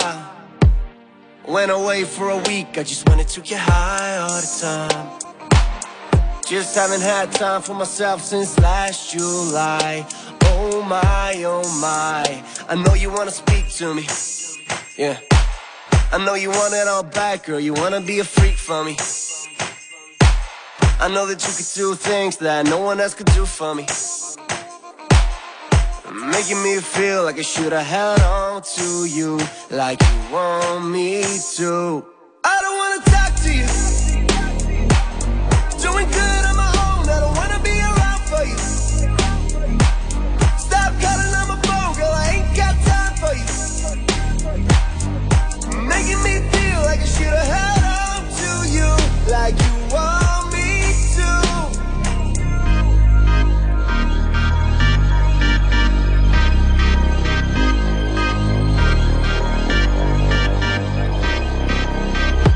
Going out, nothing new. They want a piece of me, but I got things to do. Smoking double, yeah, you know we keep it cool. Too late, too faded, got my drink gang gang going cray. Oh no, no, no, you look so different to me right now. I see you dancing all around town. Oh baby, I don't wanna fight now. Just let me go my way right now. Girl, I la la la spare with me. Don't want it, don't wanna care, get it. Make wine from these tears, get it. Don't tear me apart with it.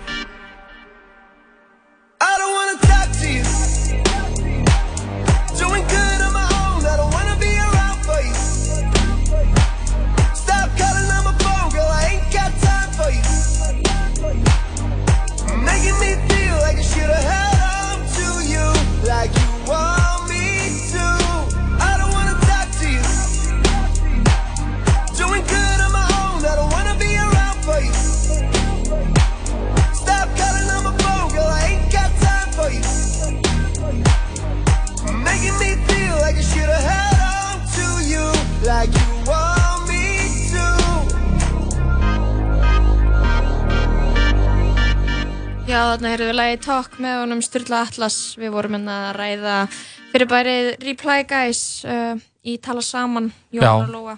heldur betur, þú varst að útskýra það fyrir mér Já, ég var að hrútskýra það. Þú Nei, varst að hrútskýra Ó. fyrir mér hvað uh, reply guy eða svara maður á íslensku Mhm. er og uh, já, ég var bara að segja að ég er þokkala ánægð með þessa útskýringu Ekki bara mikið fróðar eða? Hva, hvað segir þú? Varstu ósámalega ykkur sem ég sagði eða?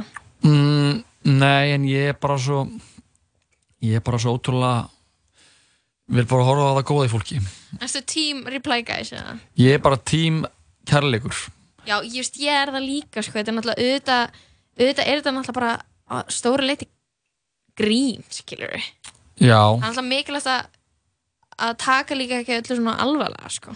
Nei, það er náttúrulega mikilvægt að, að, að vera ekki of sko, dómarður og of taka hlutunum af of En- miklum auðvitað bara fyndi að koma auga á okkur svona munstur. Jú, jú, það við, og það er sem við gerum við sem samfélag, við tökum eftir munstrum og við uh, reynum að skilgræna þau og uh, jafnvel koma á þeim nöfnum.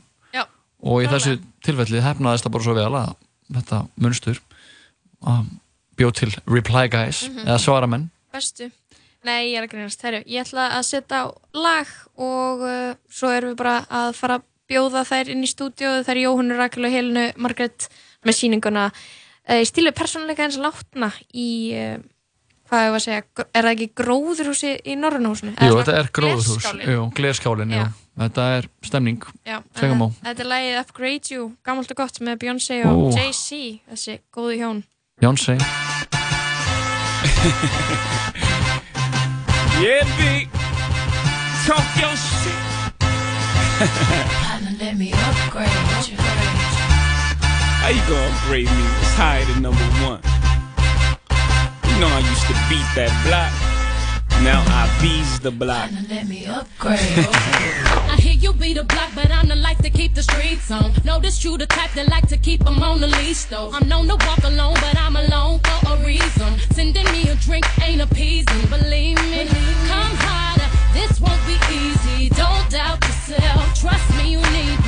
This ain't a shoulder with a chip or an ego,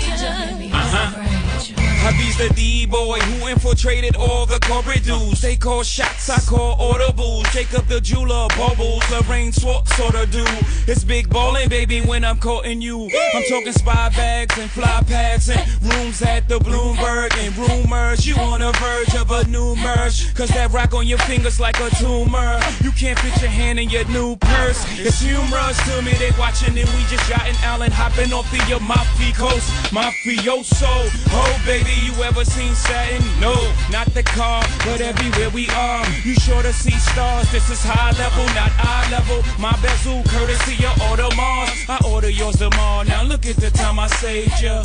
Mama, let me upgrade you. Just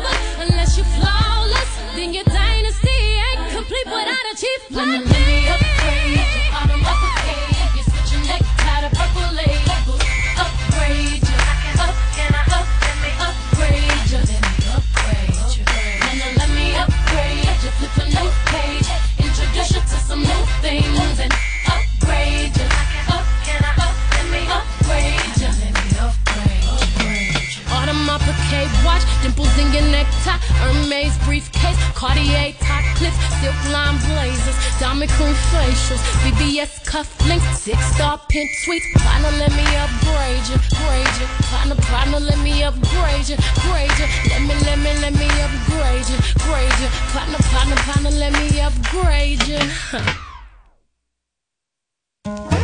Vantar þig smið?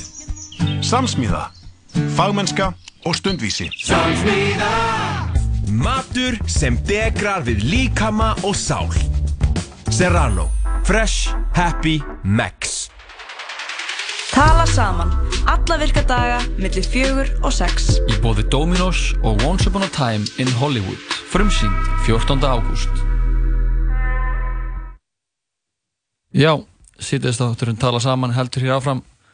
Klukkan er uh, á slæginu 5 og uh, við erum hérna með til 6 í dag. Jón Kristofur og Lóa Björk. Við erum komið með góða gesti til okkar í stúdióið. Jóhanna Rakel og Helena Margret Jónsdóttir verið hjartanlega velkomnar. Takk fyrir. Takk fyrir. Þið eruð með uh, myndlæsasýningu, ekki satt? Eh oui. Uh, oui, Eh oui. très bien. Á, uh, hvenær opnar hún? Um, á morgun klukkan, nei á milli 5 og 8. Hún er sem sagt bara opinn í eina kvöldstund. Ok, nice, það er stemning. Oui. Og hún heitir í stíl við persónuleika hins látna. Já. Hvaðan kemur þetta nafn? Sko þetta er setni helmingurinn á held ég bara uppbólsetningunum minni uh, sem að kemur af sem sagt, um, svona heimasíðu útfærastofu og það stóð sem sagt að ásýnd hins látna er þið smekkleg virðilega en látlaus og í stíl við persónuleika hins látna sem er eitthvað geðveitt crazy bara pæling. Stílu persónuleika eins latna. Mm. Já. Mm. Nei en við sem sagt já, okkur langaði að um, að Helena var með þessa hugmynd um að gera síningu um jarðafarir og dauðan basically Mm. og svo bara sankaði hann að sér góðu fólki í kringum sig til til að láta verða veruleika. Gekja, hvað er það svona við jarðafarir sem hillar? Sko, jarðarfarir er náttúrulega bara, þetta er svo einkennandi, þú veist, fagurfræðin og veitingarnar og allt í kringu það, þannig að okkur langaði bara að prófa hvernig það er þið yfirfært yfir í myndlistasýningu. Mhm. um, Mm. Þannig að við erum með sálmaskrá, eða sem sagt sýningaskrá sem er eins og sálmaskrá.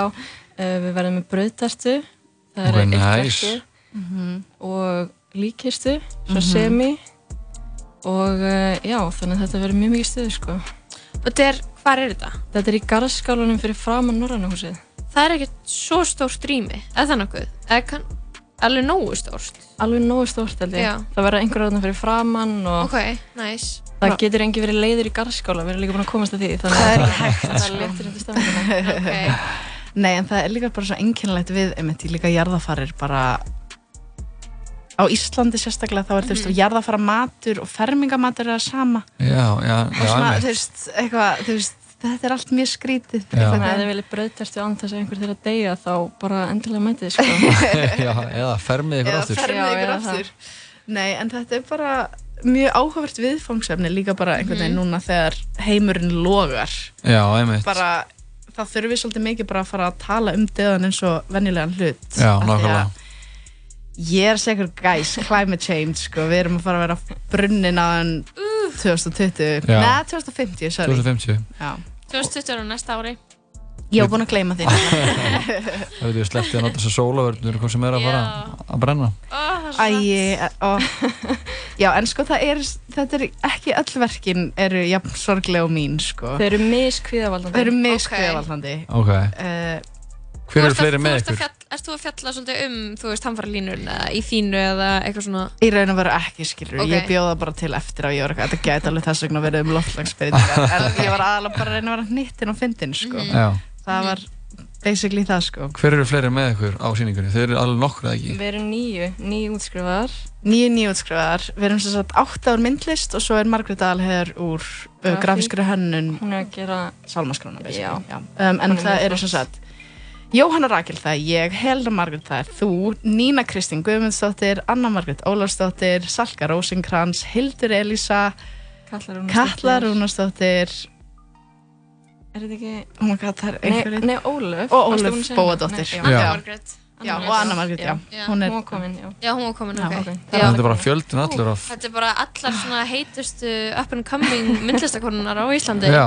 Fólk er að tala um það. jarðarför. Fólk er að tala um það, fólk er líka að tala um mikið að við ættum að taka þátt í Miss Universe Iceland og ég veit ekki neitt skilur. Já, Alveg. maður, bara, fólk talar og maður leiði fólki bara að maður leiður tala fólki bara að tala, maður er ekkert að láta þetta stiga sér til höfus, ég veit ekki En vitið þið eitthvað, þegar þetta er svona, við vorum að tala um svona íslensku jarðaföruna og hvernig hún er í forminu eru þær mikið öðru í þessi erlendis þannig að það er mismætt eftir svona eftir menningum og svona en, er þið, það eru þættir á Netflix sem heita The Casketeers og það er sem sagt nýja sjálenskur eða ástralskur fyrir ekki um, útfarastjóri sem, þetta er bara raunverulega þáttur, ástralskur. Oh my og það, hann er af þú veist Mári uh, sem svona ættum. Þannig að hann, þú veist, jarðafæriðnar er ógæslega áhugavert að sjá jarðafærið þú veist, í þeim, bara í þeirri trú og í þeirri menningu skilur Já. um, en svo ég meina að það eru til alls konar hefðir eins og einhvers staðar veit ég í heiminum þá er þú veist farið með líkið upp á eitthvað svona fuglabjarg og það bara getið þú veist, það er bara dýr Já, Lóa var eitthvað að tala um að hún vildi Ég vil fara þannig, sko. Já. að vera er það ekki, er, er það ekki tíbet eða eitthvað?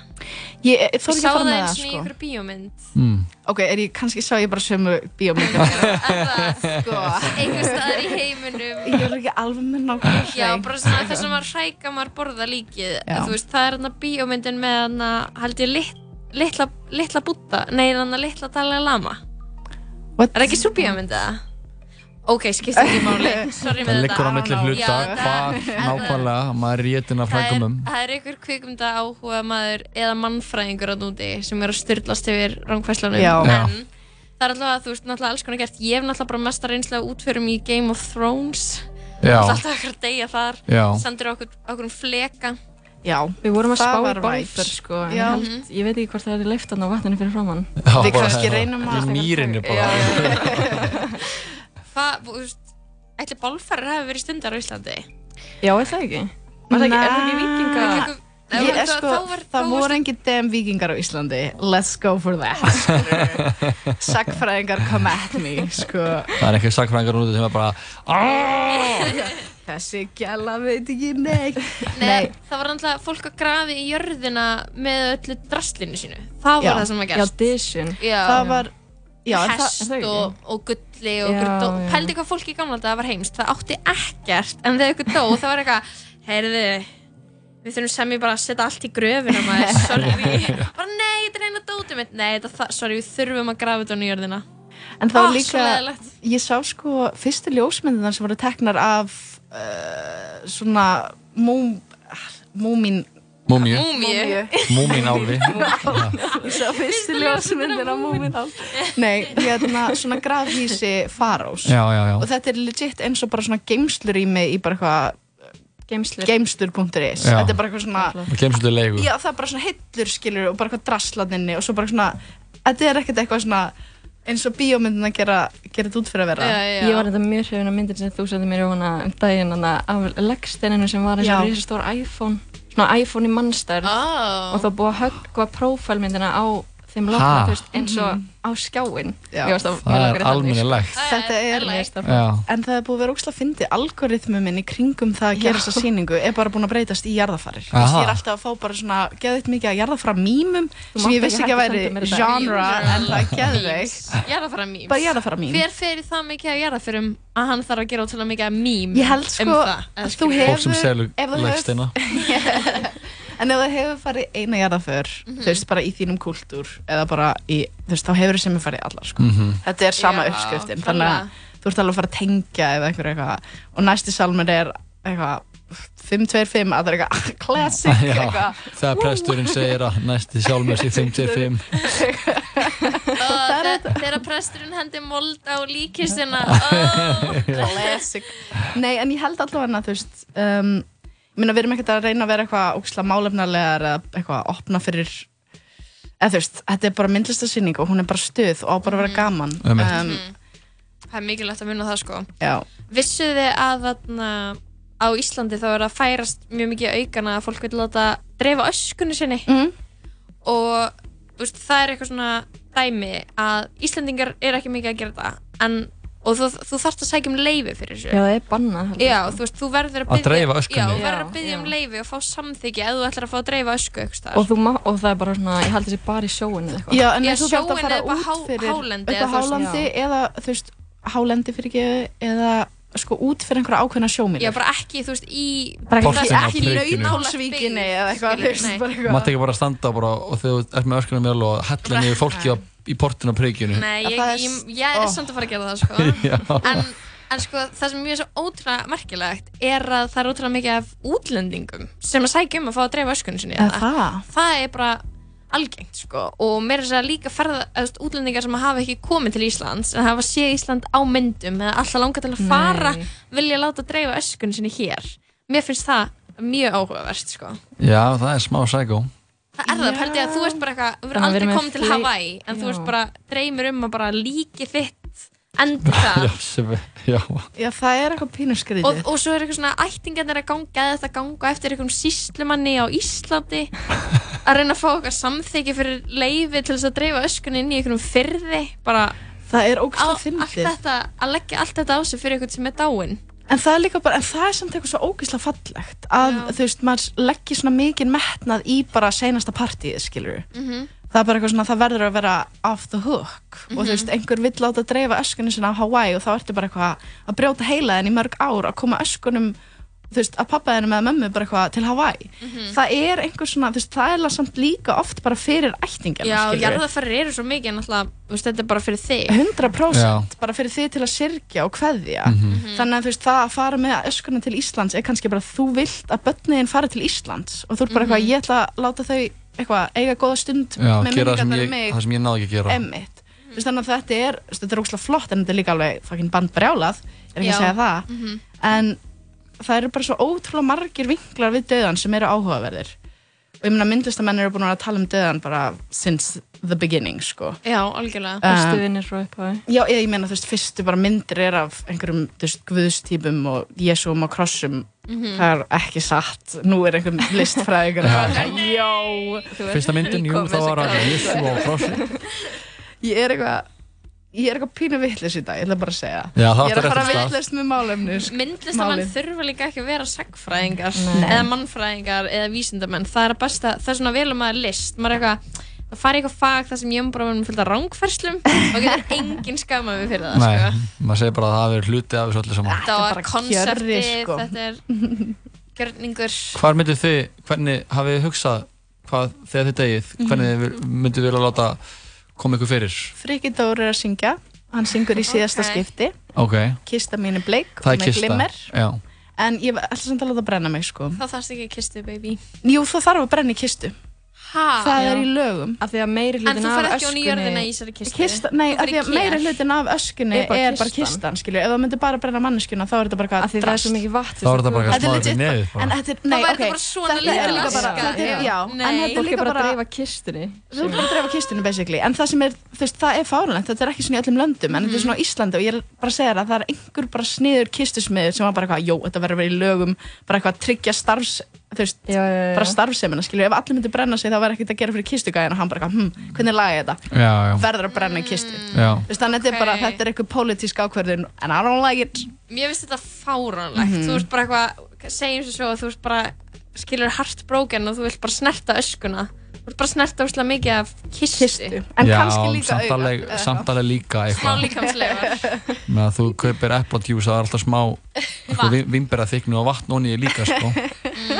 en þú Helena, hvernig langar þeir að þið verið komið fyrir? Ég er búin að pæla mikið í þessu Þú ert búin að senda mikið inspo Mm. Mér fannst ógeðslega flott þarna prom-myndin Já, það var Ég geðveikt. þarf eiginlega, það þarf einhver þegar ég er dáinn að fara með mig á prom sem, hva, hvernig var það? Þetta var, Sko, hún var, hún sem sagt, klætti, eða þú veist, hún klætti sig upp eins og hún var að fara á prom og var með, veist, mynd af þá kærastanum sínu með Mhm. einhverjum sem hún ætlaði að fara á prom með, Mhm. með, en svo var líka svona mynd af, þú veist, fötunum sem hann hefði ætlaði að vera í og eitthvað svoleiðis og þú veist, hún að taka já, einhverja nei, pósa hún lagði Mhm. fötin sem hann ætlaði að vera í á leggsteinin oh my god. Og ég, na, mér finnst það flott, mér langar, mér langar að upplifa svoleiðis. Fara á prom, prom sko. Já, það er líka, það er líka svona eitthvað amerísku kultúr að myndir, Það er svakalegt, sko. þannig að þú myndir að vilja fara bara út fyrir Já, Ísland já, já, já.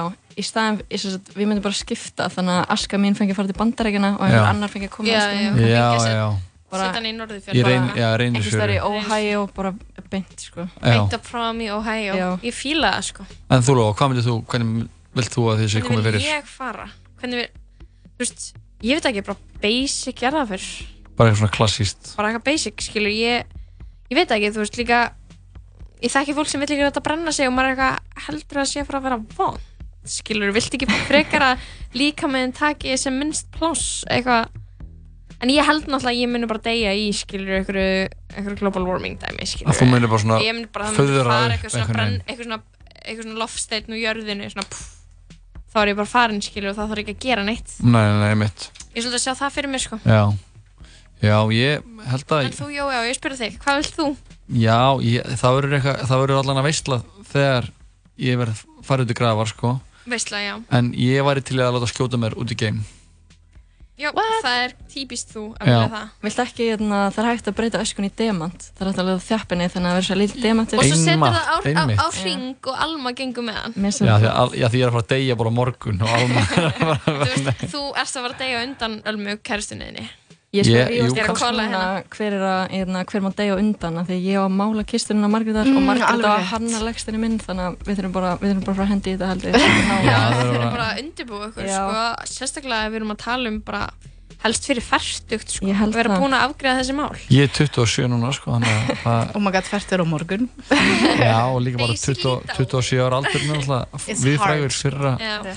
að deyja á En það er samt ógislega þakklátt að því að verið í kringum einstaklingar sem að þú veist hafa vitað að þið væri að fara að deyja bráðum. Mhm. og það er mjög þakklátt þegar þú veist það er búið að skrifa niður bara hvernig þetta á að vera af því þú veist, svo vilt ekkert í sorgarferlinu að vera eitthvað sem ég líka að taka einhverja ákvörðun um einhverja kistur og leggsteina og eitthvað svona er bara alveg maus. Já, Mhm. maður bara neglum bara öskunni og í kortflex pakka og bara aftur upp í hillu í bónus. Þetta er fallegt. Go where you came from. En uh, sýningin hefst á morgun, Morgun, já, og stendur bara yfir á morgun. Já, bara eins og einn lítil erfidrykja eins og góð erfitt ekki Mhm. Millir 5 og 8. 5 og 8, garðskálinn hjá Norræna húsinu. Á maður ekki ráð fyrir að vera þarna í þess að tvo tíma? Er þetta svona walk-in? Nei, þetta er bara walk-in, Ok, þannig að- eðislegt Mhm. uh, Við erum að, búin að vera að ræða við Helena Margréti Jónsdóttir og Jóhannu Rakel myndlistakonur uh, Sýningi þeirra í stílu við persónuleika hins látna. Við mælum bara hjertalega með.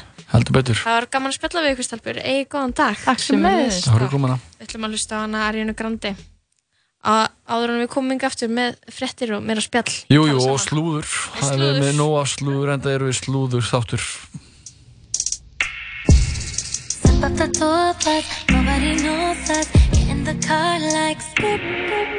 Staying up all night, order me pad thai. Then we gon' sleep till noon. No makeup, you in the bathtub, bubbles and bubbly. Ooh, this is a pleasure. Feel like we never like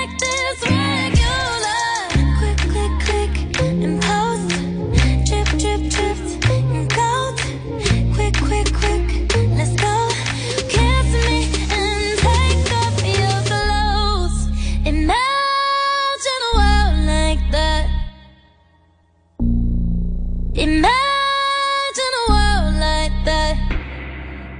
We go like up till I'm sleep on your chest. Love how my face fits so good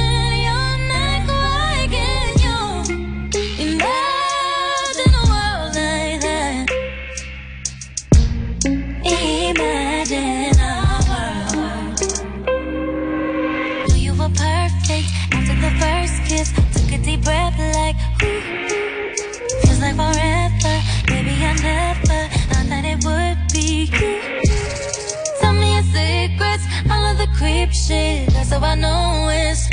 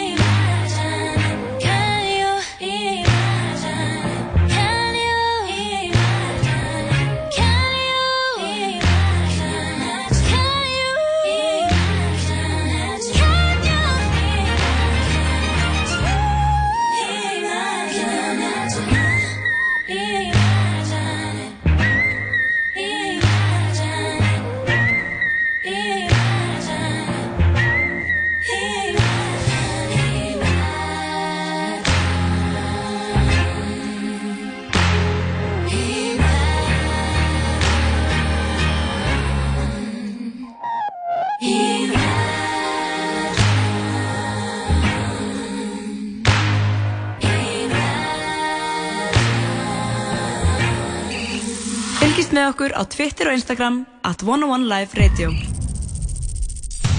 Ef stökkva skal niður sjö tröppur á Ingolstorki skal ávallt passa að vera í nýri sendingu frá Rip and Dip með nýja öxla, plötu og dekk fyrir hjólabretti. Þú þarft ekki að taka fram þetta yfir hjólabretti, sko. Já. Nei, nei. Smass! Kringlunni.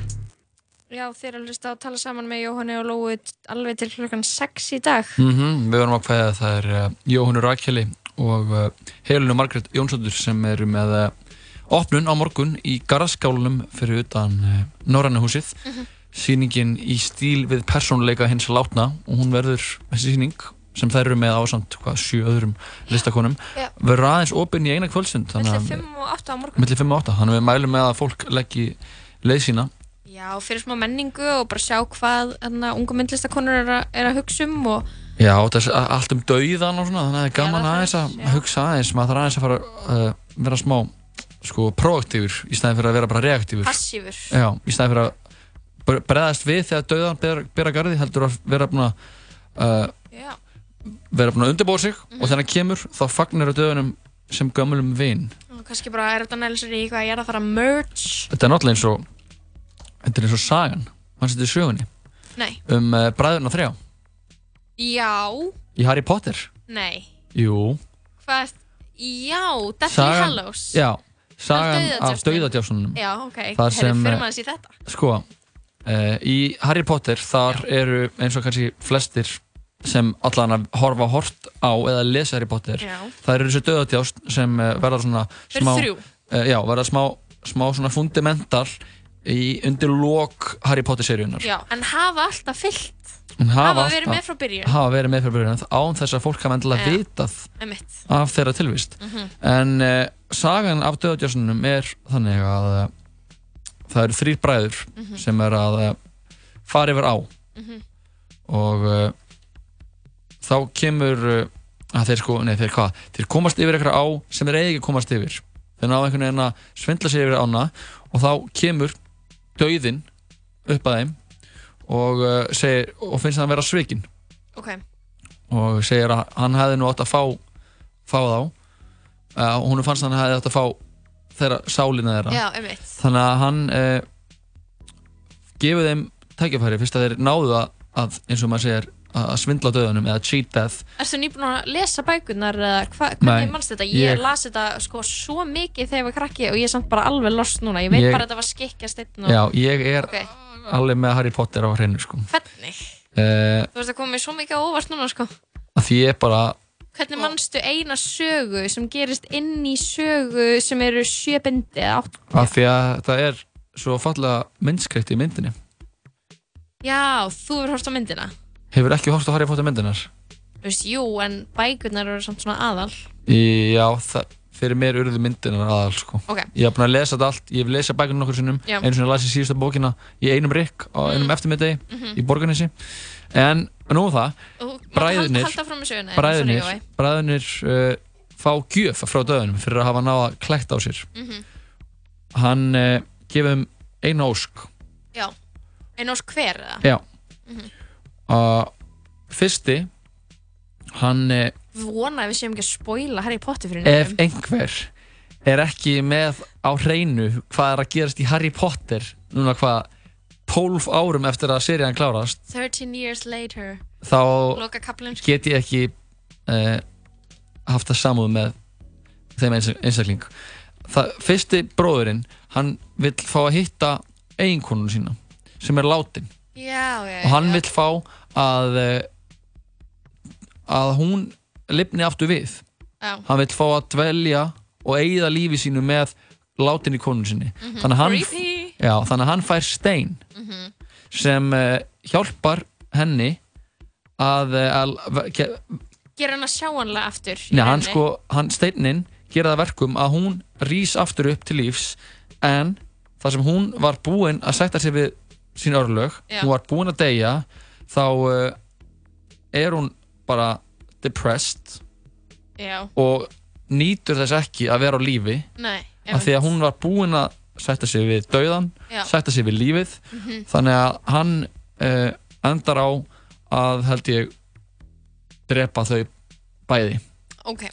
og Þessi steinn virka þannig að, að fólk get, hann getur vakið annað fólk til lífs. já og uh, næsti bróðurinn hann vill, hann sko þráir völd og hann þráir uh, krafta. Þannig að hann byður um sko sprota Töfrasprota, sem er öllum öðrum sprotum kraftmeiri. Já. og hann þá tekur fram það sem heitir illisbrotin Mhm, sem The er Elder One, The Elder One. uh, og hann bara haha! tegur sprotan og hann fer og finnur gamlan uh, gamlan uh, keppinaut Mm. Og drefur hann Mm. Havasa Kedavra drefur hann Mhm. og uh, er bara eitthvað haha ég á kraftmesta sprota í heimi Já, ég er bestur. ég er ah! bestur, ah, ég er töframæður Já. og, uh, og síðan heyrir einhver annar Já, af hans, af hans uh, gorti að vera með hans rosalega sprota og í skjólinættur tekur nýf og ristar hún á háls og stelur yttisbrotanum Einmitt, og því að það er náttúrulega hægt, þú veist, með eitthvað sprota en þú getur ekkert eitthvað að vera vakandi 24-7 að berja hann, að, gæti ekkert hann að sprota. og þar með var annar bróðurinn látin Já. og með því Mhm. var dauðinn búinn að endurhemta, að búinn að fá þá af því að Mhm. hann alltaf, honum fannst hann vera svikin þannig að hann var búinn að fekk fyrsta bróðurinn eftir að hann sturlaðist á að vera alltaf að hanga með dauður í eiginkonu sinni Já, svo heimskulegt að vilja það. annar bróðurinn, hann, dauðinn endurheimti hann eða, ekki endurheimti hann hann, hann uh, fekk hann, hann Já, ná já, honum þegar hann var. Þessar gjafir voru rauninni ekkert gjafir. Nei, þetta var ákveðin. Já, en uh, þriði bróðurinn hann var mennláta maður og hann, eh, já, hann þráði ekki þeitar en eh, rólegheit og eh, að hafa það cozy þannig að hann Ég veit ekki alveg hvort það var þannig. Að Ok, hann- ok. hann bað um að geta farið þaðan af þessari brú þar sem Já. hann stóð með döðanum Mm. hann geti farið þaðan óséður Mhm. þannig að döðin vippar fram tekur af öxlum sínum skikkjuna sína Hulið hulið skikkjuna sína bróðirinn Mhm. tekur hana sveipar hann um sig og hverfur Mhm. döðin sér hann ekki aftur fyrir mörgum, mörgum árum síðar þegar hann orðin gamall, búin eignast börn og búin að lifa bara frábúru lífi þá hittar hann döðan og hann hilsar hann eins og gömlum vinn Fallegt. þetta, svona var sagan af, af hann döðudessunum þreymur Mhm. þetta var Og svona smá útutúr Og þessi, þessi gamli maður, Mhm. hann er náttúrulega forfæðir Harry Potter. hann er það Og það, þess vegna fekk Harry Potter huliskikkjuna í fyrstu Harry Potter bókinni. Mhm. Þegar fekk hann að erðana af föðu sinum. Já, sem að er hann haf- afkomandi einn af þeim sem náði að ekki sigrast á döðunum, en allavega ekki deyja strax. Nei, hann ná, náði í rauninni að, að, að svona, allan að sigra döðin tímabundið Mhm. En svo Og, kemur hann til okkar allra, sko. Já, hann gerir það sko Já. Mér langar að hlusta á eitt lag eftir Já, ég- þetta spjall Ég hef búin að velja annað, en þú mátt segja þitt og svo spilum við mitt. Já, mér langar að hlusta á uh, sko, það er lag sem heitir All For Us með söngvarunum Labyrinth ásamt henni Zendaya. Þetta er þemalagið úr uh, þáttunum Euphoria. Þú veist og ég, alveg obsessed á þessu núna. já, þessa ég er búinn að hlusta dálítið mikið á þetta lag, mér finnst það mjög skemmtilegt og mér finnst það bara viðendi eftir þetta Harry Potter spjall. Hver fílar ekki að rifja aðeins upp Harry Potter svona... Við þurfum að gera þetta oftar, við erum með Harry, Pot Harry Potter podcast kannski. Já, pot, pot, Hot- það er til, sko. Já. Ég náttúrulega var svo mikill Harry Potter nörd, Jói, þú veist það ekki, sko. Nei, við slumum ekki fara frekar út í það Við slumum hlusta á þetta lag Labyrinth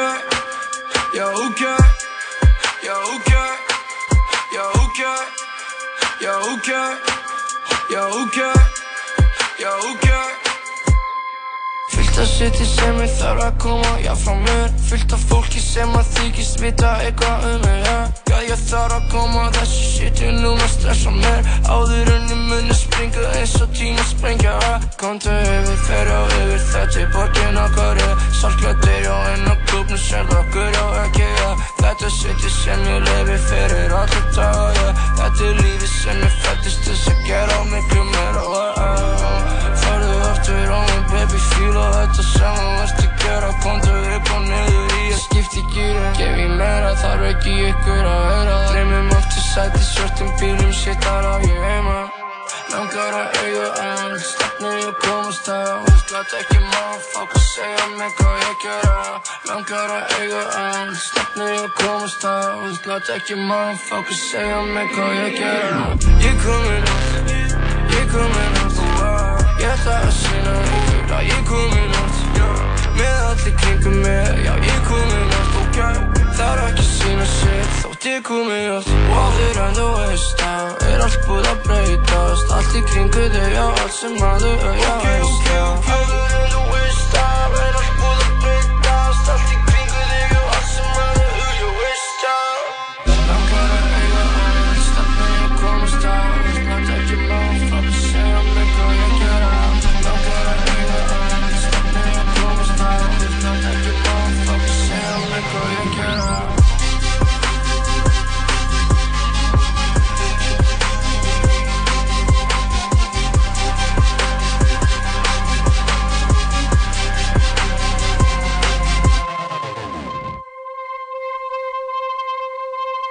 Ég komin átt, ég komin átt Ég ætla að sína ykkur að ég komin átt Með allir kringum mig, já ég komin átt Það er ekki að sína shit. Þótt ég komin átt Ég komin átt, ég komin átt Ég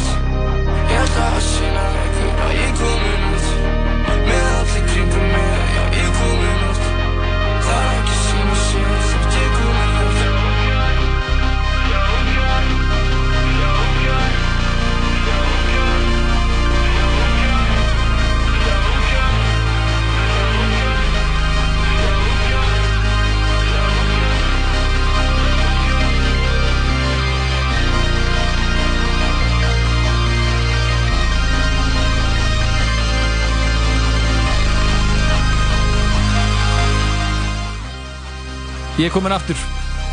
Þetta söng Flóni á uh, fyrsta læginu á plötunni. Flóni 2 sem kom út núna hvað, fyrir í ár? Já, Við bara í februar eða Í eitthvað. februar, já, við höldum hér áfram í síðdeis eftir að tala saman, við erum hérna með ykkur til sex. Jóhann Kristófur og Lóa Björk, það er búið að vera smekk fullu þáttur hjá okkur í dag, Lóa. Já, búið að vera nú að gerast. sko. og við erum hvergi af baki brotin Baki dottin. baki dottin, hvað er eitthvað annað brotin Já, eitthvað, vinna baki brotnu. vinna baki brotin ég, rugg, ég blanda þessu alltaf saman Nei, sko, Jói, þú ert alltaf að blanda saman málsætti, já, sko. en það er samt er bara, Þannig- þú ert eins og bara spuna kongur með málsætti. Þú Já. ert bara, there are no laws, no rules. Já. Tekur bara einhver orð. Já, þannig, Það er fallegt, sko. það er tö- töfran, töfranni við að vera í útvarpinu sko, að það er engin, enga reglur Það er enga reglur. þegar maður er að fara með málsætti Nei, er bara eitthvað. maður segir bara einhverja málsætti en höldum áfram Mm. við ætlum ekki að festa okkur í þessu rugli Lóa, Nei. ætla ég að, segja þið frá okkur núna? Já, sko, þú uh, vildir uh, þú varst eitthvað, hei, getur þú haldið áfram að tala um Harry Potter ég eitthvað, nei, Ekki ekki meira ekki meira þessu childish nonsense Sko, nei, ég náttúrulega vildi halda fram að tala, tala um Harry Potter bara, þú veist, endalaust, sko. Ég veit Já. ekki, þú veist, ég geti, ég geti bara alveg fara að tala um eitthvað annað eins og bara, þú veist, að þú, ef, ef við varum með Harry Potter heiminum, þá verður þú ekki muggi, skilur Hva, hva, hvernig Þú tóra maður galdramaður, þú væri galdramaður. klálega Þú myndir þú vinna í svona, muggi þú ert ógeðslega leðilegur að segja þetta. þú værir svona frænkan Hermæni Særandi! Hermæni er bara, "Herri, ég er að fara í Hogwarts og þú verður eitthvað hvað er það? Eitthvað, "Á, ég má þér?" ekki segja ég er svona minnisskaldurinn þú veist að ég væri galdramæður. Ég væri potions. já, þú er Ég væri seiðkona, sko. Að, skiptir ekki. Þú væri galdramæður og þú væri uh, örgulega með svona, uh, ég veit samt ekki hvað, þú veist, típa eins og þú ert sem galdramæður. ég skilurðu. Quidditch Nei. jú, Nei. ég var í Quidditch ég væri í Gryffindor. Sko, þú Jói, værir það í Hufflepuff. Jói, það er munur á því að sko vilja vera eitthvað, skilur Já. og hvað þú værir í raun og veru ef við værum í Harry Potter heiminum, ég er bara að tala um bara svona það engar- rökfræðilega séð, þá Nei, væri ég þú- í Gryffindor. Nei, ef þú væri núna bara kannski fótboltamæður þá kannski myndi ég segja eitthvað, já, þú væri í Quidditch skilur, það, það, það er íþrótt, skilur ég var í fótbolta. Já, uh, þú veist í, í grunnskóla, skilur eins og kannski bara það er flestir svona eins og það er svona eins og að segja að vera starffræðingur þegar þú fórst í grunnskóla starffræði, skilur þetta er Nei, ég er mjög íþróttalega vaksinn sko. Ég er Ég er vaksinn svona eins og ég sé búin að vera að æfa alveg í 25 ár sko. og ég væri líka í Gryffindor. Og ég væri líklega svona ef það væri haldið mótið The God, Tri-Wizard. Tournament þá er ég líklega fyrir valinu til að taka þátt fyrir Gryffindor. Eða fyrir Hogwarts það er svo mikið pík þú að vera skilur aðal. Ég væri aðal. Var eitthvað, ok. Þú væri í Hufflepuff. Nei, nei, ég væri í Gryffindor sko. Ég fór í MR og þess vegna get ég hafa verið í Gryffindor eða Ravenclaw. MR er náttúrulega alltaf Hufflepuff. Nei, það er Kvennó já, MR er Ravenclaw MR er Ravenclaw. MH er Gryffindor Vestló er Slytherin já, þetta er þannig sko. Ég væri í Gryffindor ok, þú væri Gryffindor, ég væri Ravenclaw Já. ég væri ógslag góð í að gera potions og þú værir ég veit ekki hvað þú værir sko. kannski værir bara í ykkur hljómsveit það voru alveg svona, svona galdra hljómsveitir skilur við Hvaða galdra þarf maður til að vera í hljómsveit? það að spila okkar hljóðfæri sem er eitthvað magical, veist eitthvað bling blung. Ég er bara að spila þúsund bongotrómur og einhverju draugar með mér í bandinu Já, draugar, það er, það er mjög fyndið sko. Já, hugsa ég, um, ég, það er náttúrulega er ekkert margar mismöndið típur af törfólki í Harry Potter það Það er bara eh, ég, Jú, samt. En svo þegar þú pælir í því, þegar við erum komin í fjórðubókina og við erum komin í bara Goblet of Fire, skilur Já. og það er Triwizard Tournament í gangi, þá serðu bara alveg nýjan heim af típum eins og þessar frönsku konur sem er Já, alveg styrlaðar. það eru babes Það eru alltaf öskrandi eða eitthvað. Geta öskrað úslega hátt. Já, já, það eru Og svona svo- sírenur Já, og svo þarna búlgarsku gaurarnir, þarna Viktor Krum og maður er eitthvað svona, já, býtu, það, þú veist, það eru alls konar törmenn til, sko. Svona Já. það, eitthvað svona, Hvernig var í bandaríkjunum? Já, með, ég hef viljað sjá það eitthvað svona jock magician. Nei, síðan alltaf kemur það eitthvað aðeins betur í ljós í þessum nýju myndum. Já, sem er eitthvað svona smá mér fannst það ekki það skemmtilega. Það fyrsta það? var ágætt. Hún var svona stemning að sjá allir þessi skrýtnu dýr. Já. en mynd nummer tvö var eins og maður segir að góður í sér freka mikið slæt Eða flop. Já, ég væri einhver, ég væri bara í í þannig í Quidditch og ég væri mjög góður, ég var svona eins og Harry Potter þjóður maður, ég held að ég væri einhvern veginn þannig en nóg um Harry Potter í Nóg byli um það. Já, ég ætla að segja þér aðeins frá sko, það er búið að vera langverði drama í rappheiminum Mhm. í mörg ár Ok. og uh, Að byrju, erum við að tala um Drake og eitthvað? Já. Hæ, er það? Já. Það er náttúrulega, já, ok, það er svona klassíst rappi sem ég kann, ég með þess að kannast við, sko. Já, Já. Uh, en ef við fer aðeins í sko, og beefið er í rauninni milli Pusha T og Drake Ok. og hefur verið það síðustu ár og náði ákveðnu hámarki í fyrra Mhm. nei fyrra árinu ja, hva, hva, nei, svona hvað í kringum senni hluta síðari árs byrjun þessa Ok. þegar uh, hann uh, hann gaf út dislag, hann Pusha T Já, hvað heitir það lag? uh, það heitir eitthvað það eitthvað Adonis eða var ekkert eitthvað ógslag frækt, en var, þú veist, jú, það var, það var í rappinum var það rosalega frækt. ok, this track. Já, það, nei, það heitir The Story of Adidon Ok, og, uh, og þetta var sko, svar við lægi frá honum uh, Drake Mhm. sem uh, var hér sko Duppy Freestyle Mhm. sem var bara svona beint diss track Ok. sem var svar við einhverju öðru lægi frá Pusha T Mhm. þannig að það var svona fór sitt, sitt á milli en en þetta var síðasta lægið eiginlega svona þetta, þetta svona kjarnaði smá þetta þetta, þetta beef og var svona hápunkturinn á því af því að hann Pusha T hann algjörlega snappaði á þessu lægi af hverju eru þeir í bífi? Hvað Eh, er málið, skilur við? Er það bara út í að dreika rastnalegur eða Nei, er eitthvað... þetta beef er sko en þessar deilur, illdeilur Mm, ok. eiga sér langa sögu og þar, það er sko uh, fara niður meðfram, það er svona ættatré svona ættatré á þessu á þessum, þessum illdeilum.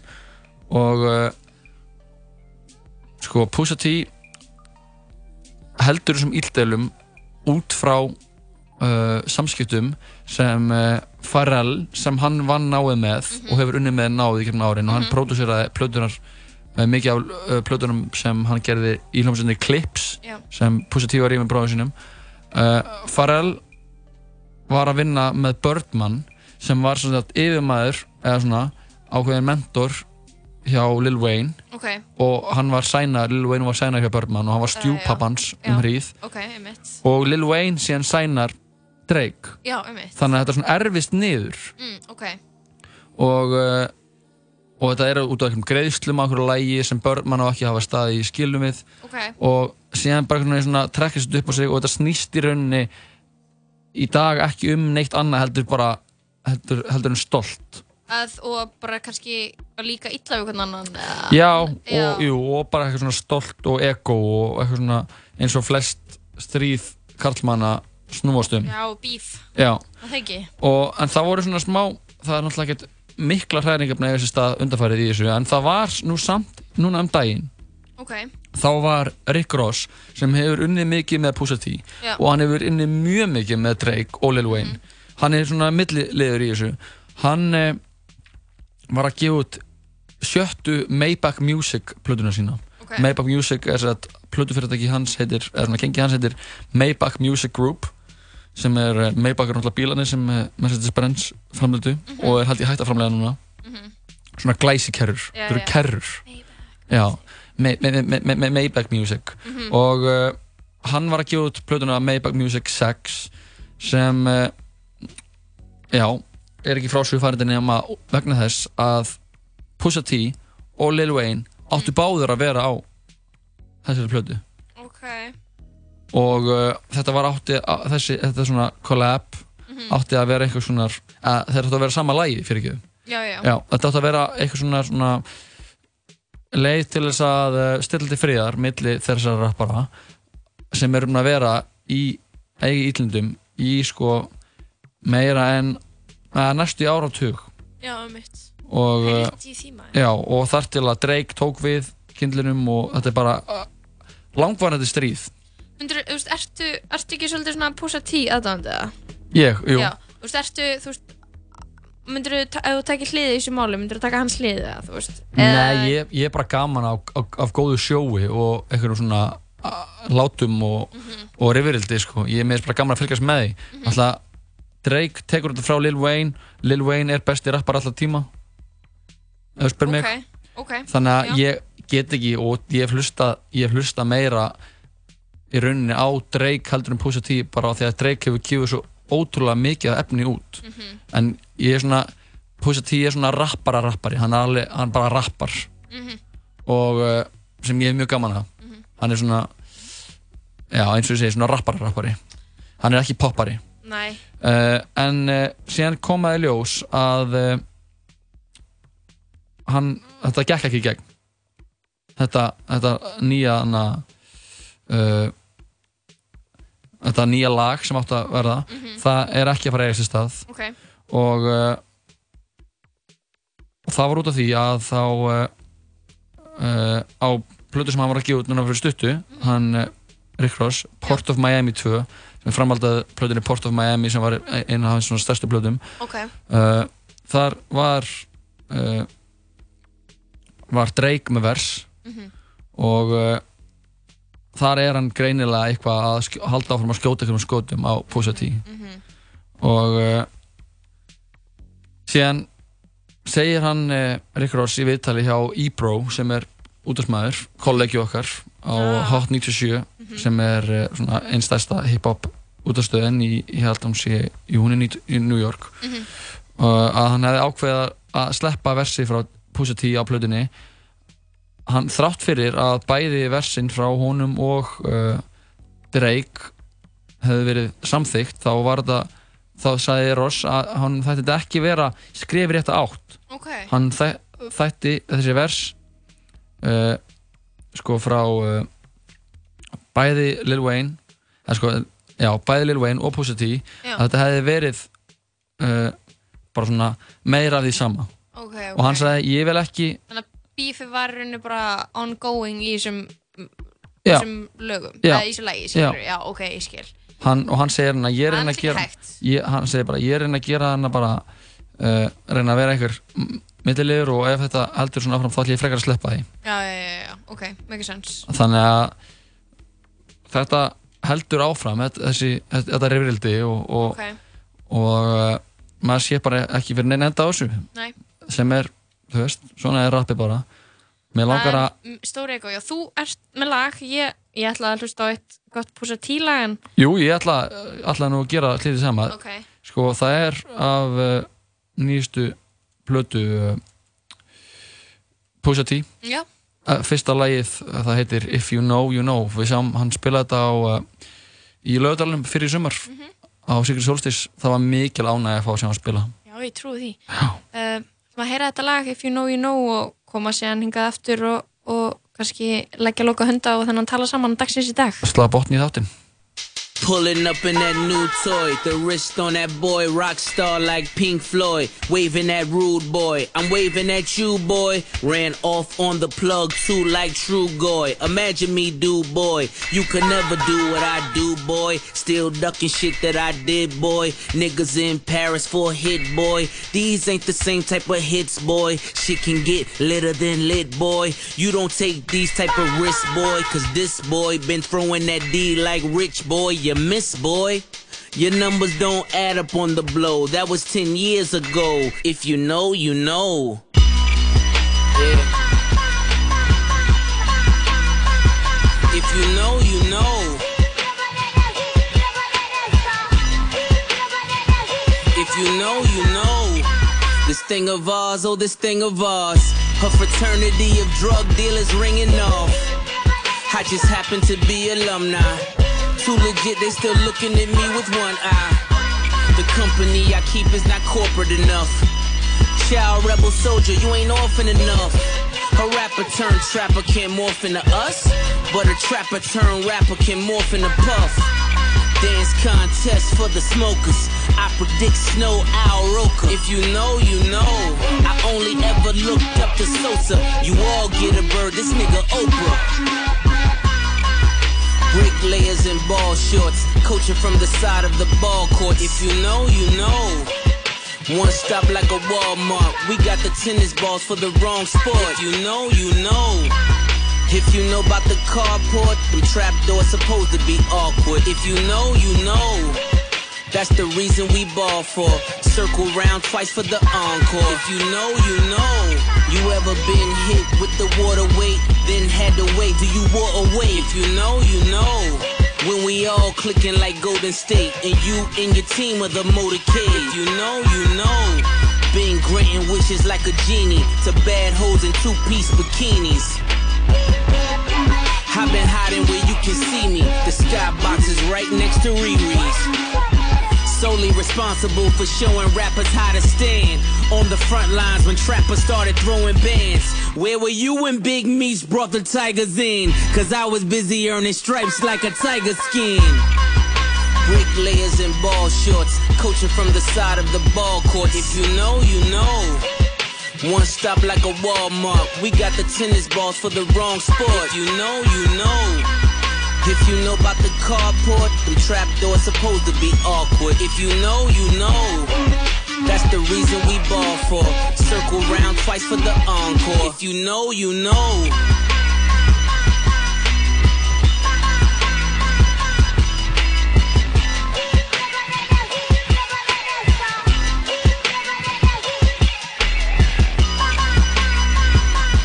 Pusha T, lagið uh, If You Know You Know af uh, plötunni Daytona sem kom út í fyrra. Ein af bestu rapplötum ársins og bara síðri ára, ef þú spyr mig. Og uh, ég myndi nú segja að ég hefði nú ágætis vita á þessu, Lofabjörg. Já, það. Já, kannski eh, var ég að fara með fleiburinn á hann því ég sagðist myndi vera svona Harry Potter esk tóramæður ef ég væri í tóraheiminum og ég væri í Quidditch, það er kannski, eru fleibur hjá mér kannski. Já. En ég hef ágætis vita á rappi. Þannig að kannski væri ég eitthvað svona rapp töframæður Rapp töframæður, sko. Já, það hljómar svo svona- ógæðsla illa sant Í skikki. bara eitthvað Wingardium Leviosa. Eitthvað I'm out here grinding while you sitting on your sofa. Já, meira. Nei, ekki meira. Please. Það fer að koma að endalókunum í þessum þætti í dag. Lóa, þú ert að fara til Skotlands á morgun Jú, jú, ég verð uh, á Fringe Festival, um, útsendari uh, 101 á uh, henni stóru skosku sviðslesta hátíð, uppistands og alls konar að gerast þar. Já, í- þú eru að gerast alveg bara að sturglast ábyggilega Ég ætla að sjá minn uppáhalds uppistandara, Já, hann Kat Cohen, að sjá Demi Nandra. þú eru að hitta hana E, chilla með hann eftir á? Já, Já, ég er nefnilega, ég er búin að vera að plana outfit fyrir þetta. Já þú eru að gera eitthvað meira en sko. það Þú eru að senda henni skilabú, bara að vera að takka hana og bara að spamma hana. Ég náttúrulega hef alveg talað við hana í í DM, Já, þú veist, ég er bara að senda henni DM og vera bara, hei. bara I'm coming to, from Iceland to see you. Eitthvað, It'd be cool to get a beer afterwards. Eða eitthvað. Já, en það er svo leiðilegt, sko, Thomas Ken er að koma líka. Já, þú segir honum Hann bara að bara- fara einhvers staðar að spila pílu. Hann bara spila píli einhvers staðar. Love this. Ekki, það er búin að pakka þáttir í okkur í dag. Við byrjum að fá hana Brynju Hjálmsdóttir til okkar kvikmynda sérfræðing þáttarins og hún uh, kom með fimm myndir fyrir uh, hinsegin daga. Mhm. fimm hinsegin myndir sem uh, er þessu verðt að tjekka á. Í þessari, í tilefni dagana til með þessara daga.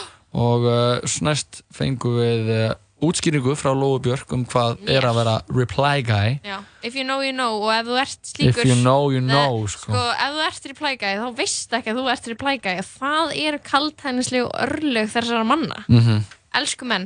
En uh, svo voru tvær myndlistakonur hérna, til viðtal sjá okkur að ræða sýninguna í stílu persónleika hins látna sem Já. verður í uh, garðskálanum fyrir utan Norræna húsi á morgun. Við peppum þessa sýningu peppum alla bara til að kíkja út á myndlist það er bara fótt betra ef þú spyrir mig að kíkja á opnun það er svo gott að kíkja á smá myndlist Já.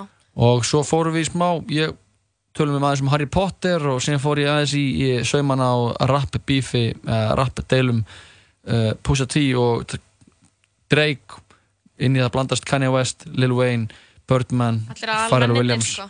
allir helstu og uh, við verðum með aftur á morgun eða þannig, ekki þú, ég verðum með uh, Birnu Maríu. Á morgun og það er pakkað þáttur á morgun. Þátturinn er í góðum höndum, ég, hérna, veist, leiðilt að fara frá okkur en uh, verð um, örgla með eitthvað skemmtilegar friends sögur þegar ég kem tilbaka og þið megin alltaf endilega alveg hringja í mig, ég meina, Já, það er eins, eins gott að þú kom með einhver smásögur allan Já, ég ger það, má ég ekki bara enda þáttinn á skemmtilegu púsa tílagi sem mér finnst alltaf gaman að hlusta á Jú, þegar er- mér líður eins og ég sé mjög savage Já, manneska sem ég er. Þú ert það, er þú ert störluð ég, ef ég var rappari, hú, Já, skilur mig? Já, það verður alveg bara brjáluð. Já, þetta er lagið Numbers on the Board.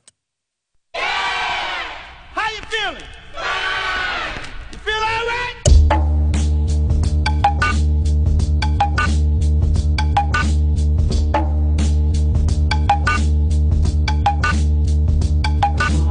I'm so bossy, bitch, get off me. It's a different jingle when you hear these car keys. Your SL's missing an S, nigga. Your plane's missing a chef. The common theme, see, they both got wings. If you fly, do it to death. It's only one God and it's only one crown. So it's only one king that can stand on this mound. King push, King kingpin, overlord. Coast Guard, come a hundred going overboard. I got money with the best of them.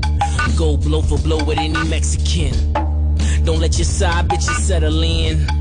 Might have to head, but you ever land. Ballers, I put numbers on the boards. Hard to get a handle on this double-edged sword. Whether rapping or I'm rapping to a whore, might reach back and relapse after wrapping up his raw.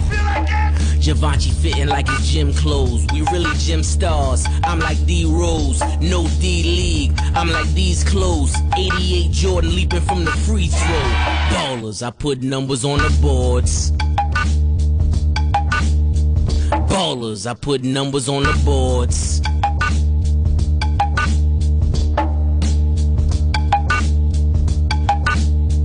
Motherfuckers can't rhyme no more. About crime no more. Mixed drug and show money, Biggs Burke on tour. 25 bricks move work like chore. Hit Delaware twice, needed 25 more. I see flaw, cracks in your diamond. CB4 when you rhyme, simple Simon. Come and meet the pieman, a must that I flaunt it. The legend grows legs when it comes back to haunt us.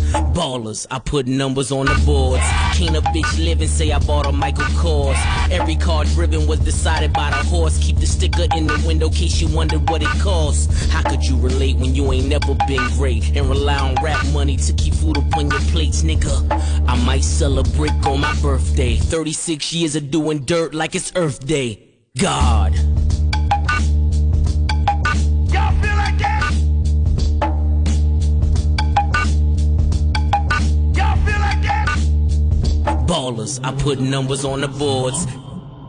Y'all feel like that?